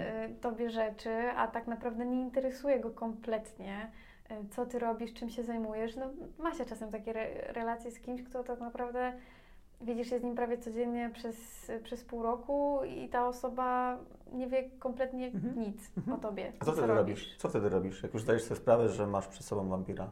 E, wszystko zależy od, od, od sytuacji, tak? No bo jeśli to jest Twój klient, no to troszeczkę gdzieś tam Mhm. po prostu można się lekko zdystansować i Mhm. lekko wycofać i e, zamiast wchodzenia w jakąś głęboką relację, bo tak jak mówiłam, nie z każdym trzeba tworzyć tą głęboką No tak. relację, żeby już nie popadać w jakieś takie skrajności, że teraz każdy będzie moim No przyjacielem. jasne, że nie. No bo to też trzeba pamiętać o jakiejś takiej higienie pracy. Moim przyjaciółmi I- mogą i być tylko ludzie z Gdyni, nie? Więc tutaj to jest tylko biznes, nie? odpuścisz. Tylko biznes. Nie odpuścisz dzisiaj. E, No więc nie każdy musi być Twoim przyjacielem, ale, ale tak naprawdę y, przede wszystkim wtedy skrócić, skrócić, ten, y, skrócić tą relację, zachować jakiś dystans i zrobić sobie taki bufor bezpieczny dla siebie. E, Więc myślę, że to jest bardzo intuicyjna kwestia. Jak sobie z tym poradzisz, bo dla Mhm. jednego coś będzie męczące, a druga osoba machnie ręką, bo, bo już ma gdzieś tam jakieś Mhm. doświadczenie z tym i po prostu nie będzie tego tak chłonąć Mhm. tych, tych emocji. Nie wiem, czy odpowiedziałam na Twoje pytanie. Chyba tak. Jakiś czuję taki niedosyt jakiejś takiej namacalnej wskazówki, nie? Typu na przykład No albo po prostu. Sadam tę, rozmo- osobę naprzeciwko mnie i mówię, słuchaj Stefan. No i właśnie co potem mówisz? Ja jestem raczej z tych takich ugodowych osób i faktycznie. Mówisz, to moja wina. It's me, it's not you. Nie, nie, tak, tak nie, ale no wiadomo, z takich już skrajnych sytuacji, no to po prostu mówię, słuchaj, no nie widzę sensu dalej się spotykać i dalej gadać. No po prostu nie, więc. Miałaś tam- takie sytuacje? No, kilka razy miałam. A robiłaś tak. to na żywo czy online? Przez telefon. Okej. Mhm, przez, przez telefon właśnie, jak ta osoba gdzieś tam naciskała, naciskała, ja mówię, no ale słuchaj, no, no tak trochę, no nie czuję tego po prostu.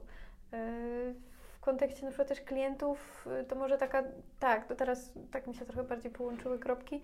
Mm, Są klienci, którzy uwielbiają Ci wchodzić na głowę i e, trzeba bardzo... Doskonały temat. bardzo, bardzo od razu postawić granicę na samym początku Mhm. i być twardym. I to jest trudne, oczywiście, że tak, bo zawsze się boisz y, takiej Mhm. sytuacji, że będziesz aż za twardy i ten klient y, No tak, po prostu ucieknie. Mhm. Ale szczerze powiedziawszy, z mojego doświadczenia y, wynika, że lepiej już chyba nawet spłoszyć, niż No, później właśnie To jest ten mieć niewłaściwy klient, nie? Dokładnie, podejść do tego, że po prostu to nie jest Twój klient i, i wysłać go do kogoś innego, kto akurat może ma taki charakter albo taki styl pracy, że będzie mu to odpowiadało i się dogadają i będą oboje szczęśliwi, niż yy, ja będę przeżywać wewnętrzną agonię, a ten klient i tak będzie nie do końca zadowolony. Yy, Albo będzie tak mi wchodził na głowę, że, że on będzie zadowolony, ale ja po Będzie prostu win-lose po prostu. Będę miała wrażenie, że zrobiłam 10 zleceń, a nie jedno. Tak. I także to, to w kontekście wampira energetycznego to, to chyba właśnie bardziej wchodzący na głowę y, klienci, chociaż y, A po czym poznać, że klient ci wchodzi na głowę? Po jakich zachowaniach dzwoni klienta? o każdej porze nocy Okej. i dnia. To raz. Oczekuje odpowiedzi po 5 sekundach. Dwa. Jeszcze 14. y, Nie I dobra, og- jeszcze, jeszcze I ogólnie, I ogólnie zachowuje się, jakby był tylko i wyłącznie moim jedynym klientem. Trzy. I to są chyba takie te, te, te trzy, y, trzy główne, które i tak no, są tak naprawdę brakiem szacunku Mhm. do drugiego człowieka. Bo to, czy już ja będę fryzjerem, czy doktorem, czy fotografem, Mhm. no to musimy szanować swój czas, to, że, że fotograf ma życie prywatne, bardzo częste, myślę, że u Was Jakie jest życie? podobnie. Ale nie u Ciebie. Tak, ja nie mam prywatnego, ja non-stop siedzę na fejsie. Ja też mam, ja też mam zapędy pracocholiczne, ale jednak uważam, że work-life balance to ważna rzecz na dłuższą metę. Ale chciałam mówię po powiedzieć angielsku, to... więc nie co powiedziałaś właśnie. No właśnie, właśnie. No, no, Jakiś- jakiś work. Work. Coś z łotrem? tak brzmi, nie? Nie, ale tak naprawdę, wiesz, y, no kurczę, ktoś dzwoni do mnie w niedzielę o 8 rano. Albo bardziej notoryczne jest y, w trakcie, wiesz, tygodnia, godzina 20. I ktoś się denerwuje, że ja nie odbieram telefonu. No, hello, no jakby to jest, wydaje mi się, zawsze trudne, jak, jak firmy działają w jakichś tam godzinach, Mhm. a, a, a jednak my nie jesteśmy wiesz, fotograf nie jest typowo, nie ma takiego skojarzenia typowego z fotografem, że okej, okay, fotograf y, pracuje od 9 do 17, no to lepiej do niego nie dzwonić po 18. Wiesz, no Mhm. zdarzają się sytuacje, że jak ktoś do mnie zadzwoni wieczorem i na przykład mamy za dwa dni sesję i Mhm. co się dzieje z pogodą, albo na, nagle są jakieś zmiany, no to oczywiście, że odbiorę i, i wiesz, ale jeśli wiem, że na przykład ta osoba dopiero zaczyna ze mną jakieś tam rozmowy, jeszcze wiesz, nie jesteśmy na etapie dogrywania pewnych szczegółów, Mhm. no to no przecież może, mo- możemy to załatwić następnego dnia w godzinach pracy. Mhm. E, Więc, więc takie też szanowanie, no i jakby nieoczekiwanie, że właśnie ja jesteś, e, to jest mój jedyny na świecie klient e, i ja będę po prostu na każdą zachciankę, na każdą zmianę, na każdego maila reagować w przeciągu 15 sekund. Tak, mail to nie czat, nie? Dokładnie, nie? Dokładnie. A powiedz mi, po czym w takim razie, żeby zbalansować, zrobić w miarę symetryczną wypowiedź tutaj, to Mhm. po czym poznać, że fotograf nie podchodzi do końca profesjonalnie do swojej pracy? Nie?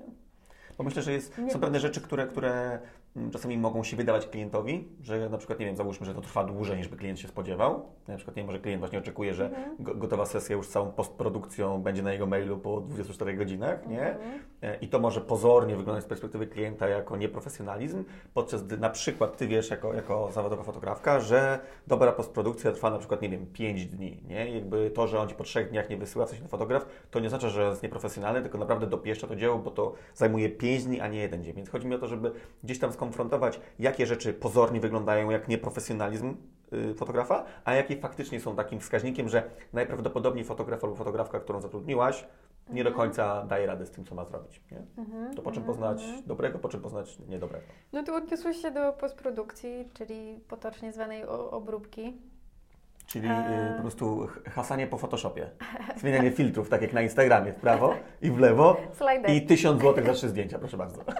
To takie to ja mogłem, proszę Pani, sobie zrobić iPhone'em. Y, No to jeśli chodzi o obróbkę, to, to też jest dosyć mocno zależne od stylu pracy fotografa i od danej sesji. Jedne sesje się dłużej obrabia, niektóre krócej, to zależy od warunków e, światła, kolorów, ale to już się nie będę rozwodzić, bo to nie chodzi o to. Totalnie techniczne. Tak, No. totalnie techniczne kwestie, ale właśnie warto też zaufać fotografowi, że mm, będzie, będą wymuskane te zdjęcia, będą, będą dopracowane, Mhm. więc to nie może trwać 24 godziny, tak jak mówisz. No, no, ile No chyba, że byłby jedynym klientem i płacił poczwórną stawkę. tak, tak. No to może bym, nie wiem, rzuciła wszystko.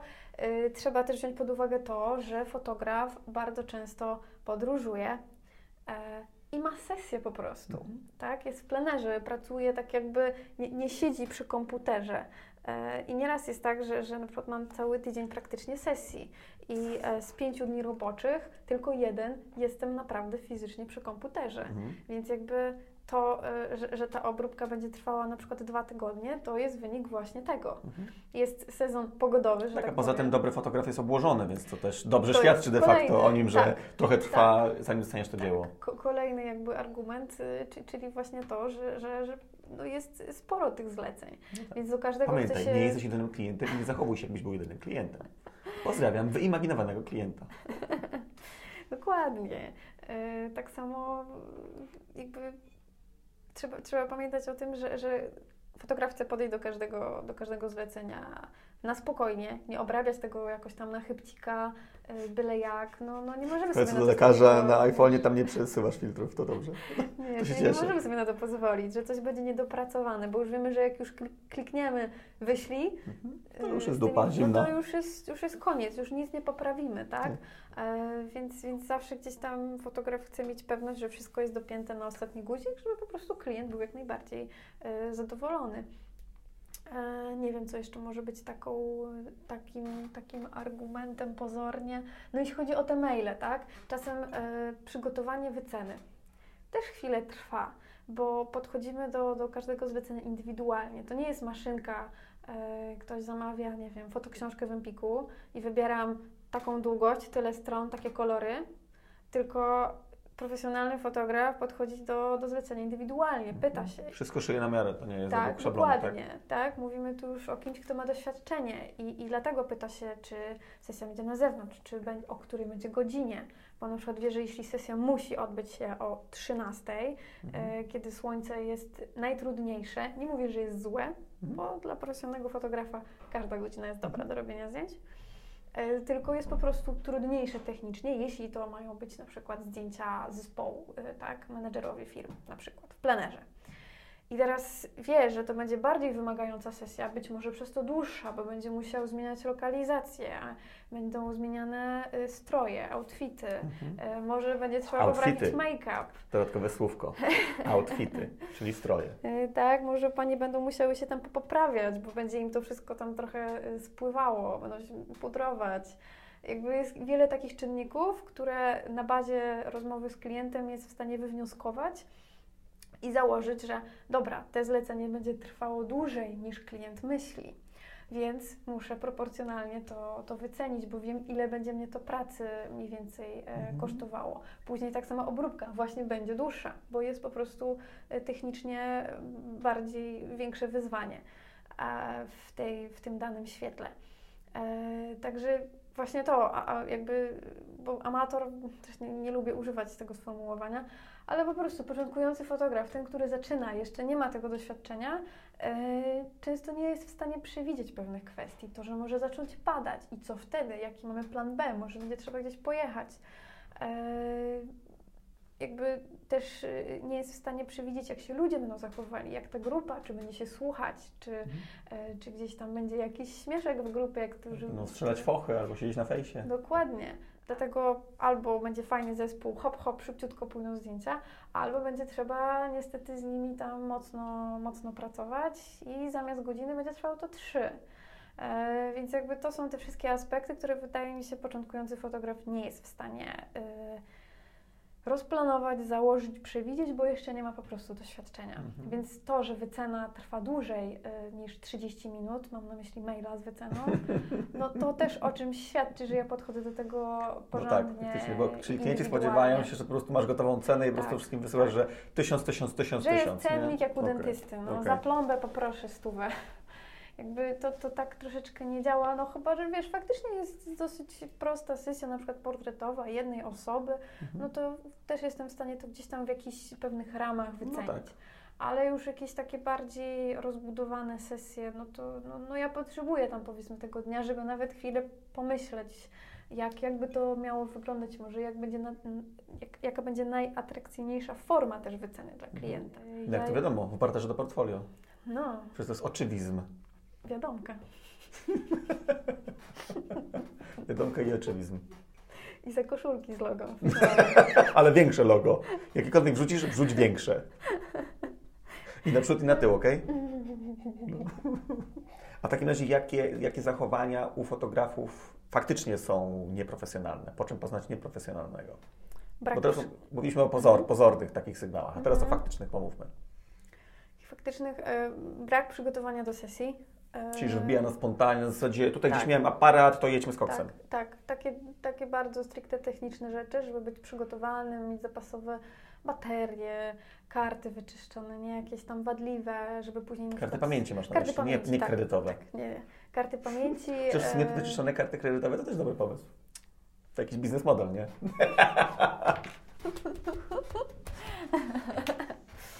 e, No, więc wyczyszczone karty pamięci. pamięci Tak. E, żeby na przykład nie było takiej sytuacji, że jakaś tam jest wadliwa, a tak też informacja widać, kiedy karta jest wadliwa, pokazuje jakieś dziwne błędy. Na przykład ja od razu taką kartę wyrzucam, bo jest za duże niebezpieczeństwo, że później coś będzie nie tak Co, co, i okazuje się, że wszystkie dane, więc e, to są takie rzeczy, robienie backupów. Czyli kopii zapasowej. Czyli kopii zapasowej plików, wszystkich surówek, trzymanie też tych Co to jest? E, surowy, surowe zdjęcie, czyli zdjęcie przed obróbką. Takie wychodzące, Przed Photoshopem. wychodzące prosto z aparatu. Jeszcze przed tymi wszystkimi magicznymi e, filtrami z Instagrama. E, I wszystko jasne, wszystko widzicie? jasne. Tłumaczymy po prostu z fotograficznego na polski. Dokładnie. To jest dobre sformułowanie.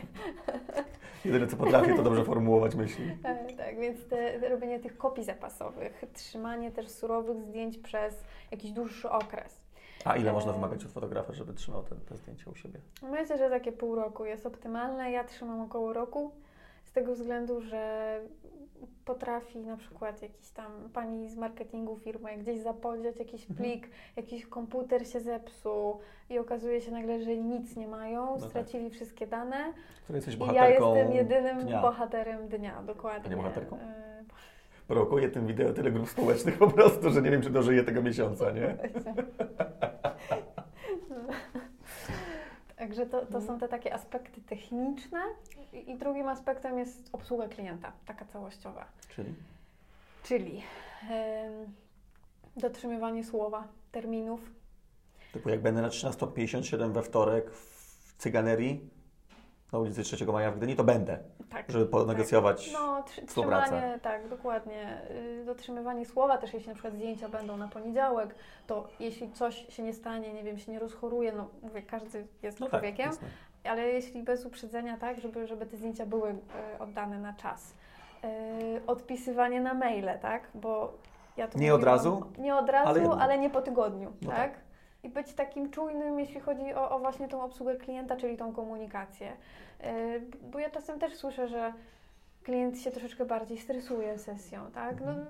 gdzieś tam wyczuwam to już na bazie doświadczenia, no to czasem wyślę do niego jeszcze jednego takiego dodatkowego maila, jeszcze go gdzieś tam Z jakimś uspokoję. gifem na rozluźnienie? Tak nawet tak wiesz, jakby na zasadzie, że sentencją słuchaj, Pauliny Coeliny. się, najedz się przed sesją, tak? Będzie wszystko okej, ja jestem zawsze spokojny, jak się najem. No, to jest bardzo ważna rzecz przed sesjami. Nie wolno głodniaka robić zdjęć, bo cię wszyscy pozabijają. Pizza przed sesją jest obowiązkowa. Powinieneś to wpisać w ogóle w umowę. Klient, klient głodny, to klient odprawiony z kwitkiem. Dokładnie, dokładnie. O, i dobrze wspomniałeś, umowy. Mhm. Bardzo często początkujący fotografi nie podpisują umów. Na gębę robią wszystko. Robią na gębę, to już kwestie tam, czy ktoś robi na czarno, może nie będziemy poruszać, Mhm. e, ale no niestety jest to też notoryczne. Ale właśnie umowa, myślę, jest y, tym dodatkowym narzędziem do tej dobrej komunikacji. No bo jeśli klient nie do końca Cię słuchał albo nie skupił się, nigdy nie wiesz, jak mm, jakby na jakim, e, w jakiej skali czytania ze zrozumieniem przejdzie ten mail. E, Znam z autopsji. tak, więc jednak jak się podsyła tą umowę, to to jest kolejne potwierdzenie, kolejne komunikaty, jeszcze raz. Więc jest szansa, że jak klient zobaczy Czy któryś trzy razy przejdzie, tak. ten komunikat, to którym przejdzie, tak? Yy, więc no i wtedy to też zapobiega jakimś różnym problemom i dla klienta, i, i dla fotografa. Ile to kosztuje? O. Wiem, że to zależy. Natomiast postarajmy się, czy inaczej nie postarajmy się. Nie. Zróbmy co w naszej mocy, żeby dać jakiekolwiek wskazówki na temat tego, mniej więcej ile co może kosztować. E, Myślę, że tutaj mamy dwie rzeczy. Po pierwsze, ile co może kosztować typu typy sesji. Po drugie, od kogo? Na zasadzie, ile za tak, taki typ sesji wziąłby początkujący, ile powiedzmy taki, wiesz, średni pro, a ile taki totalny przekozak. Nie? Wiem, że to jest bardzo rozpięte, natomiast cokolwiek, jakikolwiek, wiesz... Nasze grzeczne rozpiętości są też w zależności od, tak jak mówisz, typu sesji i No. też miast, też Okej. w, y, rejonu Polski. To skupmy się na razie na Trójmieście. Ale oczywiście wiadomo, że jest najlepsze. na Zwłaszcza pewna część tego Trójmiasta. To, co pachnie śledziami. Mhm. Najlepiej śmierdzi śmiedziami na całym... Nie śmieciami, tylko śledziami na całym świecie. Nie? Pozdrawiam moich kolegów z sektora Tory. No dobra, to nie, no, okej, jakieś, jakieś powiedzmy A jednak jest konkrety, szansa. jakieś konkrety. Y, Sesja portretowa dla, dla jednej osoby, czy to będzie wizerunkowa, czy pod y, media społecznościowe, myślę, że to są widełki mniej więcej od y, 500 zł do 1000. Okej. W zależności od zakresu, ilości zdjęć, y, czyli ogólnie w zależności od zakresu. Czyli mając wycenę na około powiedzmy tysiaka, to jest takie... To jest dobra cena. Jako No klient już- mogę poczuć, że to już jest dobra, dobra stawka, dobry fotograf, tak, dobry tak. produkt, mogę wymagać, natomiast nie jest to y, jak jakby po polsku, nie wiem powiedzieć, overpriced, nie? Ale nie, jest to zawyżona cena, tak. Mhm, tak, tak. No szczególnie jeśli zdjęcia będą uży, używane do jakichś tam kwestii komercyjnych, no użytku komercyjnego, no, Mhm. a raczej wszystkie, wszystkie są. Jeśli ktoś nie przychodzi naprawdę jakaś super początkująca marka. Ja też na przykład przyznaję, że jeśli właśnie jest jakaś początkująca firma, która robi coś naprawdę super, coś co mi się podoba, to też jest gdzieś tam połączone z moimi ideami czy, czy zainteresowaniami, no to też jestem w stanie troszeczkę wycenić to inaczej. No bo, Ale będę negocjował, jak już skończymy wywiad. Bo, Ale będę negocjował? bo też jest co innego, jak ktoś zaczyna, tak? Ja też kiedyś zaczynałam Mhm. I, i, i wiesz, to też nie jest tak, że teraz y, jak Pamiętam, zaczynałam, to 95. nikomu... Dobra, dobrze, dobrze przypomniałem sobie. to nikomu nie płaciłam. Oczywiście, że i tak trzeba było płacić, ale... Miałaś ale płacić wiesz. komuś, żebyś mogła robić zdjęcia? Nie, nie, no chodzi mi o kwestię, y, wiesz, y, no co, za sprzęt muszę zapłacić, tak? No. Nie słyszałem Za jeszcze, żeby ktoś sprzedawał aparat w barterze na Wiesz, przykład. no dokładnie, za warsztaty też, za pewne usługi, ale na przykład, nie wiem, no ktoś, fotograf zrobił mi sesję wizerunkową jednak za minimalnie tam niższą, niższą kwotę, bo, bo wiedział, że gdzieś tam będę go dalej reklamować, będę go oznaczać. Właśnie, jeśli też marka czy firma zakomunikuje mi to, że słuchaj, ja naprawdę mam taką i taką strategię, widzę, że to wygląda, y, wygląda naprawdę porządnie, że to nie będzie taki, wiesz, barter, jak jest niestety 95% barterów, czyli my Cię oznaczymy, ciesz się. E, No nie, no to musi być wszystko z głową, żeby były jakieś realne też korzyści dla mnie później. Jeśli faktycznie y, propozycja spełnia takie jakieś różne moje już wymagające, myślę, dosyć kryteria, e, no Czyli to jestem w stanie się zgodzić. niedostępną. Tak? Nie, no nie. Po prostu myślę, że już pragmatyczną po tylu barterach, gdzie robiłam za, wiesz, za jakieś po prostu mega małe pieniądze, naprawdę porządną robotę, a później ktoś dosłownie zapomina mnie oznaczyć. To jest naprawdę frustrujące i wkurzające i ma się takie poczucie wykorzystania, tak? I, I dzisiaj, nie wiem, teraz ostatnio gdzieś tam zgłosiła się do mnie dziewczyna, która chce się troszeczkę poduczyć. Będziesz mentorką? Nie wiem. mam Lubię nadzieję. to. Lubię. Kibicuję. I wiesz, i, i, i chcę, y, zaproponowałam jej, że, że, że może ob, obrabiać dla mnie zdjęcia. No to jej wprost od razu powiedziałam, że słuchaj, oczywiście będzie jakiś tam okres y, nauki, ale jak tylko złapiesz szybciutko, to ja chcę Ci płacić Mhm. normalnie, bo, bo uważam, że nie ma czegoś takiego, y, że tutaj... Nie ma darmowych a, lunchy. No, a, a zresztą jest dodatkowy jeszcze aspekt tego, że jeśli komuś zapłacisz, tak jak mówiłeś, możesz wymagać. A jeśli nie ma tego e, aspektu W każdej chwili to zapłaty, samo może zniknąć, stwierdzić mam to gdzieś. Dokładnie. I nie będzie też brała priorytetowo twojego, twojego zlecenia. No bo jednak bierzesz do, do, normalne, tak? Jesteśmy ludźmi, żyjemy w Za coś. świecie, gdzie Ładne oczy nie sprzedają bułki w pieniądze. sklepie. Tak, dokładnie. Więc uważam, że lepiej jest y, zapłacić i, i mieć te narzędzia do, do, do wymagania, do, do tego, żeby to było wszystko tak jak, tak, jak mi się podoba, niż nie płacić i tak, tak naprawdę trochę ruletka. Albo Mhm. będzie super, Mhm. albo stracę czas No tak, ten stracony czas tak naprawdę no, i energię. jest, jest, jest więcej wart niż to, żebyś zapłaciła komuś, No, nie? dokładnie. Lepiej zapłacić i nie tracić czasu. A to powiedz mi w takim razie, bo już wspomniałaś, że, że wiesz, w przypadku konkretnych współprac, kontekstów i tego, że ta osoba faktycznie Cię realnie oznaczy, realnie da Ci tą ekspozycję marki, to na pewno jest gdzieś tam argument negocjacyjny, żeby albo po prostu trochę, żebyś Ty czy jakiś fotograf, fotografka mogła trochę zejść z sceny. Jakie są jeszcze narzędzia, w takim sensie, co można zrobić dla fotografa w kontekście negocjacyjnym, jako firma, która zatrudnia takiego fotografa, żeby fotograf miał realną zachętę do tego, żeby dać lepsze warunki niż takie powiedzmy zwykłe, nie? No, ta pierwsza rzecz już mamy, zidentyfikowana, pewnie no, bardzo duża, zwłaszcza jeżeli klient jest dość, dość pokaźny i ma fajne zasięgi i ogólnie jest obecny w mediach społecznościowych, to wiadomo, że jasne wyeksponowanie, że za tą sesję jest odpowiedzialna taka i taka osoba, to jest dla niej realna wartość, bo ona z tego będzie miała zlecenie. Czy jest coś jeszcze, co można zrobić w negocjacjach z fotografem? Nie, nie podam chyba takiego, wiesz, dokładnego, do, dokładnego przykładu, ale myślę, że warto jest nie negocjować na przykład ilości zdjęć, Mhm. tylko negocjować zakres. Mhm. E, czyli jeśli mamy mały budżet, ja zawsze, tak, jeśli ktoś mi odpisze, że mm, nie spodziewaliśmy się takiej ceny, Mhm. to mówię, okej, to słuchajcie, to, to jaki macie budżet? Jeśli spodziewaliście, zobaczymy, co możemy w ramach tego Właśnie, zrobić. to ja może po prostu skrócimy sesję o, o ten jeden, e, jakiś tam jedną część, Mhm. tak? Zrobimy, okej, powiedzmy e, z, sesja zespołu, tak? Sesja, powiedzmy, o, robię dla Was... Czyli tylko pół zespołu będzie fotografowane, drugie nie. Tylko ci, co mają najlepsze efekty. Dokładnie tak. Robisz targety i jesteś na sesji, nie? Ale na Hashtag zamiast, dowcip, wiesz, żeby nie było. Zamiast na przykład robić wszystkim portrety po Mhm. kolei, co trwałoby dosyć długo, no to zrobimy grupówki. Zrobimy jedną dużą i może jakieś tam mniejsze grupy. Tym sposobem sesja będzie o wiele, wiele krótsza, ale faktycznie wtedy jestem w stanie Mhm. zejść z ceny.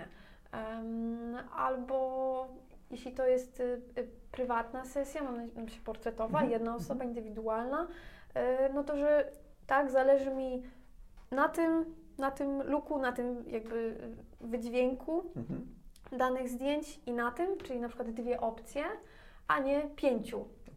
I to na przykład by się już przekładało na dwie, trzy lokalizacje, no bo nie jestem w stanie zrobić e, wszystkiego, wszystkiego w studiu. Mhm. E, tak, mówię tu już takich, takich konkretnych wytycznych co do, co do sesji, że na przykład ta osoba e, tak chce mieć i w lesie, i w studiu, i e, na plaży przy łebie, tak? I to już jest naprawdę konkretna No tak. sesja. To już bym powiedziała nawet dwie albo trzy. Mhm. E, tak, to dochodzi właśnie logistyka, czas, No tak, przejazdy, każdy dzień zdjęciowy kosztuje swoje, nie? Dokładnie. A możemy powiedzieć, dobra, to słuchaj, to może zróbmy teraz część y, mm, studio, plus zaraz obok, 5 minut dalej samochodem jest las. No to Mhm. obskoczymy to w miarę szybko, będzie to praktycznie y, w ramach tam, nie wiem, dwóch godzin. Mhm. No to wtedy już wycenię to na dwie godziny, Tak, a czyli- nie na 10. Czyli rozumiem, że też warto, mm, przygotowując się do negocjacji z fotografem, myśleć potencjalnie, ile może ję albo jej zająć to godzin, Tak. bo jakby jeżeli jesteśmy w Tak. stanie tak to zorganizować, że to zajmie dwie godziny, a nie siedem, no to wtedy to już jest argument, że hej, słuchaj, czy możesz z tej sceny, ponieważ zrobimy to trochę inaczej Tak, logistycznie tak, tak, rozegrane. dokładnie, bo częstym, y, częstym przypadkiem jest to, że, że powiedzmy firma pisze, mm, no wie Pani, bo my tak naprawdę chcemy tylko 5 zdjęć Mhm. No tak, i tak. zakładają, że to będzie kosztowało, nie wiem, 200 zł. No tak. A chodzi o czas. I nie liczymy to tylko czas sesji, Mhm. tylko musimy wziąć pod uwagę cały proces, czyli od pierwszego kontaktu mailowego, później spotkanie, później kolejne maile dogrywające, później sama sesja i później obróbka, oddanie materiału. Mhm. Czyli tak naprawdę mamy y, do powiedzmy, nie wiem, z 10 godzin, Mhm. bo naprawdę jak policzysz y, tą całą obsługę klienta, to wychodzi też kilka dodatkowych godzin roboczych, jak nie więcej. Mhm. Em, I sama sesja jest, jest gdzieś tam malutką częścią w tym wszystkim. Mhm. E, Więc żebyśmy my się spotkali na te pięć ujęć, ja i tak muszę znowu wykonać ten cały proces. Więc czy ja już oddam pięć ujęć, czy 15, Mhm. to już absolutnie dla mnie nie ma aż takiej różnicy. Okej, obróbka będzie troszeczkę dłużej trwać, Ale, ale no jest proporcjonalnie to, to jest kropla w morzu. ale cała reszta będzie taka sama. Bo ja Mhm. nie mogę po prostu y, przygotować się na 5 zdjęć inaczej niż na 15. Mhm. Będzie dla mnie przygotowanie takie same. W ogóle cieszę, cieszę się, że o tym mówimy, bo, bo, bo, bo mam takie wrażenie, że to wszystko, co dzisiaj powiedziałaś i mówisz, zwłaszcza w tym ostatnim teraz fragmencie, pomoże zbudować trochę większą empatię u, u zleceniodawców. Nie? W takim sensie zrozumienie do tego, z Tak. czym się wiąże praca fotografa, że to nie jest po prostu pstrykanie zdjęć i wrzucanie Tak, do bo to automatycznego jest filtra. najczęstsze, że, że wsz- wszyscy myślą, wow, jaką ty masz super pracę, w ogóle gdzieś tam tylko sobie jeździsz, robisz zdjęcia i w ogóle podróżujesz i poznajesz fajnych ludzi. Oczywiście to jest ekstra, to jest właśnie to, co lubimy fotografowie, przynajmniej mówię jako ja. Najbar- ja najbardziej lubię robić zdjęcia. Mhm. Najmniej lubię tą całą stronę właśnie już przed komputerem, biznesową, księgowości, jakieś tam inne rzeczy. Jesteś artystką E, po prostu. No. Wiesz, no, artysta myślę, że to jest takie bardzo też, skromna. wiesz, taka e, troszeczkę szufladka jakaś tam e, dosyć głęboka. Mhm. Ale no co, myślę, że jestem kreatywnym przedsiębiorcą. A nie przedsiębiorczynią? Jezus. Już dzisiaj. wie- Wiesz, jaką będę miała łatkę po tym, po tym podcaście? No jaką? Antyfeministka. Jakieś 37% Twoich znajomych po prostu no, zniknie z, z No Twojego face'a. No. E, A powiedz mi jeszcze a propos tej negocjacji, e, czy na przykład wartością byłoby to, że płaci się fotografowi z góry na przykład od razu, a nie wiesz, trzy miesiące po zleceniu? Na zasadzie wiesz, hej Paulina, zapłacę Ci dosłownie, wiesz, jutro Ci puszczę przelew i Mhm. faktycznie puszczam, Mhm. natomiast nie wiem, 10% taniej, czy jesteś w stanie wtedy mi dać? Wymyślam teraz tak na Mhm, gorąco.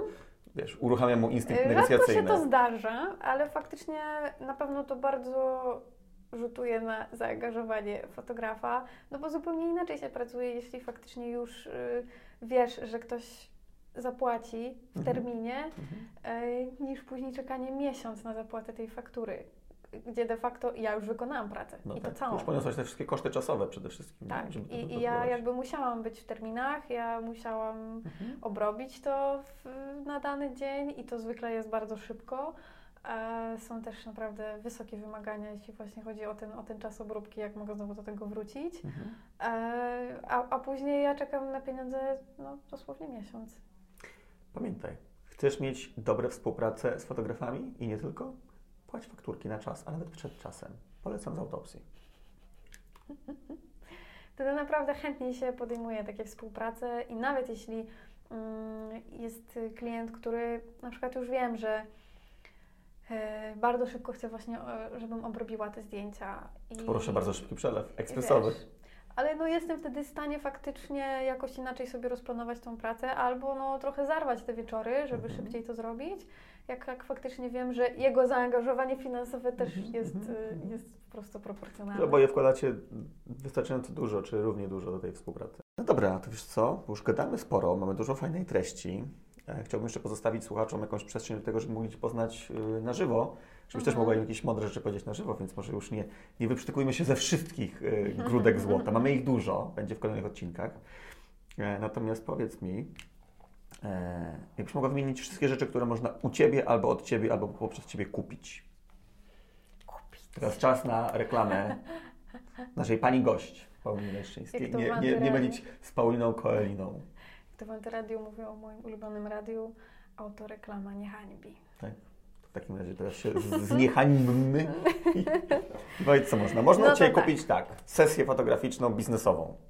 Można kupić wizerunkową, Tak. portretową, e, typowo pod social media. Troszeczkę wtedy też inaczej konstruuję tą, tą sesję. E, nawet gdzieś tam też wspomagam klienta e, jakąś strategią, na, wizualną strategią na Instagrama, jeśli nie ma na to do końca pomysłu. Reportaż z, czy z eventu, czy, czy z jakichś wydarzeń wewnętrznych firmy, z imprezy, e, cokolwiek jest po prostu związane z, z reportażem.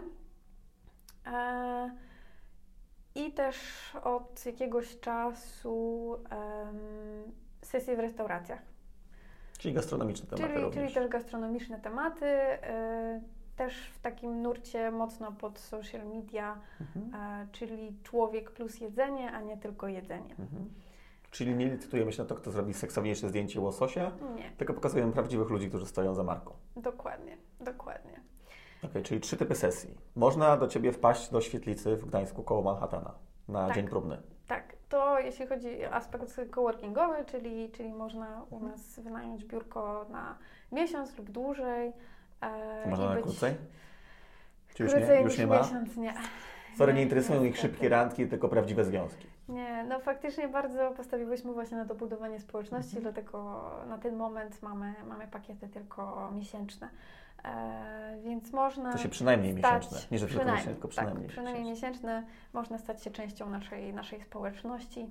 E, Czyli spotkamy tam grafików, grafików, graficzki, e, architektkę, architektki, fotografki, wizjonogiej, e, dobrze. programistów. Tu akurat nie ma żadnych pań, żeby nie było. Mhm. E, Programistów e, mamy sporo. I też jeszcze, no właściwie to są takie główne, główne dwa, dwa aspekty, bo programistów mamy dosyć teraz e, sporo. Mhm. To jeśli chodzi o, o, o przestrzeń coworkingową, to to zapraszam na, e, do Wrzeszcza, na Jaśkową Dolinę. Otagujemy tutaj stosownie pod, pod wideo. Bo Zaraz my tagujemy, nie? My tagujemy. Zaraz przy samym Manhattanie, w Kamienicy. E, więc to jeśli chodzi o to. E, no a jeśli chodzi o fotografię, no to właściwie wszystko, co, co wymieniłeś, wszystko, co jest związane z człowiekiem, też e, sesje takie troszeczkę łączące i portret, i, i reportaż, e, pokazujący właśnie daną osobę i miejsce pracy, czyli coś, co świetnie się teraz też e, prezentuje w social mediach. A to Bo czego nie robisz w takim razie, że tak przewrotnie zapytam? czego nie robię? Jakich sesji się nie podejmujesz? Na ten, y, na ten moment y, nie podejmuję się ślubów Mhm. y, i nie podejmuję się takich bardzo mocno formalnych, korporacyjnych sesji. Mhm. To, to chyba są takie dwa główne aspekty, ale no i też, też takich typowo technicznych, produktowych, packshotowych, czyli przedmiot w super bezcieniowym namiocie, takie stricte techniczne rzeczy, to nie jest do końca moja bajka. Mhm. Ja lubię pracować z ludźmi. Mhm. Czy cokolwiek jeszcze można u Ciebie lub poprzez Ciebie kupić? Mm. Wynająć salę na sesję, bo macie salkę szkoleniowo-sesyjną w Y, coworkingu. Tak, tak, tak, chociaż jest, jest troszeczkę ma, mała zmiana, bo były małe problemy techniczne Mhm. związane z niestety pogodą Jak w. Gdańsku leje, to wszystko się sypie, nie co, to co w Gdyni, Tak. nie? My potrafimy pływać. Więc chwilowo jest to, chwilowo to jest zawieszone, ale, ale będziemy do tego wracać. Może też pojawi się jakaś inna przestrzeń, Mhm. zobaczymy. Mamy plany z Kasią dosyć ambitne, ale nic na razie nie chcę mówić, bo, bo jest to jeszcze w jakimś tam e, procesie Mhm. i strategii, e, więc, więc zobaczymy. Tym Ale- bardziej, tym bardziej warto zrobić po prostu obserwuj na Waszym profilu, żeby dowiedzieć się, Dokładnie. jak już będzie wiadomo, nie? Dokładnie. Ja wcale nie sprzedaję teraz Dokładnie. usług świetlicy. I Jeśli też chcesz ktoś się e, nauczyć fotografii, porozmawiać o fotografii, to ja zawsze bardzo chętnie zapraszam i od tej strony biznesowej i strony e, kreatywnej. W pożądalu. To w takim razie ja już powiedziałem wszystko, co chciałem powiedzieć. Czy jest coś jeszcze, o czym chciałabyś dzisiaj porozmawiać? Bo jeszcze mamy czas, jeżeli bardzo chcesz. Już nie- zanudziliśmy wszystkich. Myślę, że nie. Myślę, że po tym pierwszym odcinku będziemy mieli co najmniej 300 tysięcy wiernych fanów. Będą tam robili pikiety pod świetlicą. Kurde, Paulina, pikiety. Paulina. Oni ci otworzą po prostu franczyzy we wszystkich miastach bez swojej wiedzy, wiesz. Nie, chciałabym może podsumować, e, żeby nie traktować fotografa jako taki krótki koszt, coś na co wydaje się pieniądze i to znika. E, Czy pamiętasz o tym, że na dobrych najpierw- zdjęciach się zarabia? W sensie, że Tak. jeżeli kupię dobre zdjęcie, to ja potem dzięki tym zdjęciom będę zarabiał pieniądze Tak. na moim biznesie. Tylko traktować to jako y, dłuższą inwestycję, bo y, zdjęcia, moż, można z nich korzystać przez lata. Ty jesteś tego dobrym przykładem. to prawda. Korzystasz ze zdjęć, które ja Ci zrobiłam chyba prawie, że te 5-6 lat temu. Tak, tak. Mniej I więcej one tak. nadal gdzieś tam dobrze emanują, fajną energią sprzedają, mówiąc w skrócie. Zgadza się. E, więc jakby wracając do samego początku rozmowy, nie traktować trochę czasem fotografa jako wroga, jako takie, no dobra, musimy zrobić te zdjęcia, no bo mamy nowe biuro. Czyli zmiana narracji z musimy na chcemy go zatrudnić. Tak, tylko chcemy, to będzie fajna przygoda, zrobimy fajne rzeczy, będziemy z tego korzystać przez długi czas, jeśli włożymy w to po prostu fajną energię. Mhm. Dlatego trzeba ufać temu fotografowi, Mhm. rozmawiać z nim, po prostu rozmawiać. I wtedy powstają fajne zdjęcia.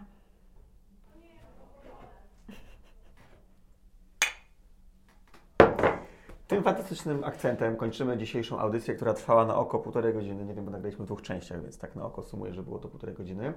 Yy, dziękujemy, że byliście z nami i że byłyście z nami. Mam I ja nadzieję, też dziękuję. Paulina też dziękuję. Dziękuję za zaproszenie przede wszystkim. Przyjemność po obu stronach. Mam nadzieję, że jeszcze te 300 tysięcy osób, które nas oglądają i oglądały, też y, są szczęśliwe, że były z nami. Mm, Jeśli macie a, albo jakieś pytanie do mnie, albo do Pauliny, to dawajcie znać albo w komentarzach, albo w wiadomości prywatnej. Yy, B, jeśli macie jakikolwiek feedback na temat tego, że na przykład powinienem rzucać jeszcze więcej żartów i anegdotek, to, to chętnie przyjmę, pod warunkiem, że chcecie, żeby było ich więcej. Yy, A co, no chyba kończymy, nie? Jeszcze raz. To było tak dobre, że ja takie rzeczy można zrobić nieskończone. Odmeldowujemy się. Do zobaczenia w przyszłym odcinku. Hej. Cześć, tu znowu ja, Wiktor. Mam nadzieję, że ostatnie półtorej godziny było dla Ciebie produktywne. Raz jeszcze przypomnę, że będzie super, jeżeli podzielisz się swoimi spostrzeżeniami, przemyśleniami albo feedbackiem w komentarzach albo w wiadomości prywatnej. Pamiętaj, żeby sp- sprawdzić, e, co tworzy Paulina, bo tworzy naprawdę bardzo fajne rzeczy. I nawet jeżeli nie planujesz skorzystać z jej usług, to myślę, że jest świetną inspiracją do tego, jak można budować swój wizerunek, biznes i życie w oparciu o bardzo autentyczne i szczere e, intencje i wartości. Także zachęcam do tego. Jeszcze raz dziękuję, odmeldowuję się i do następnego odcinka. Trzymajcie się. Udostępniając to nagranie, pomagasz swoim znajomym i przy okazji wspierasz naszą inicjatywę. A my doskonale pamiętamy o naszych sojusznikach. Wiesz co robić.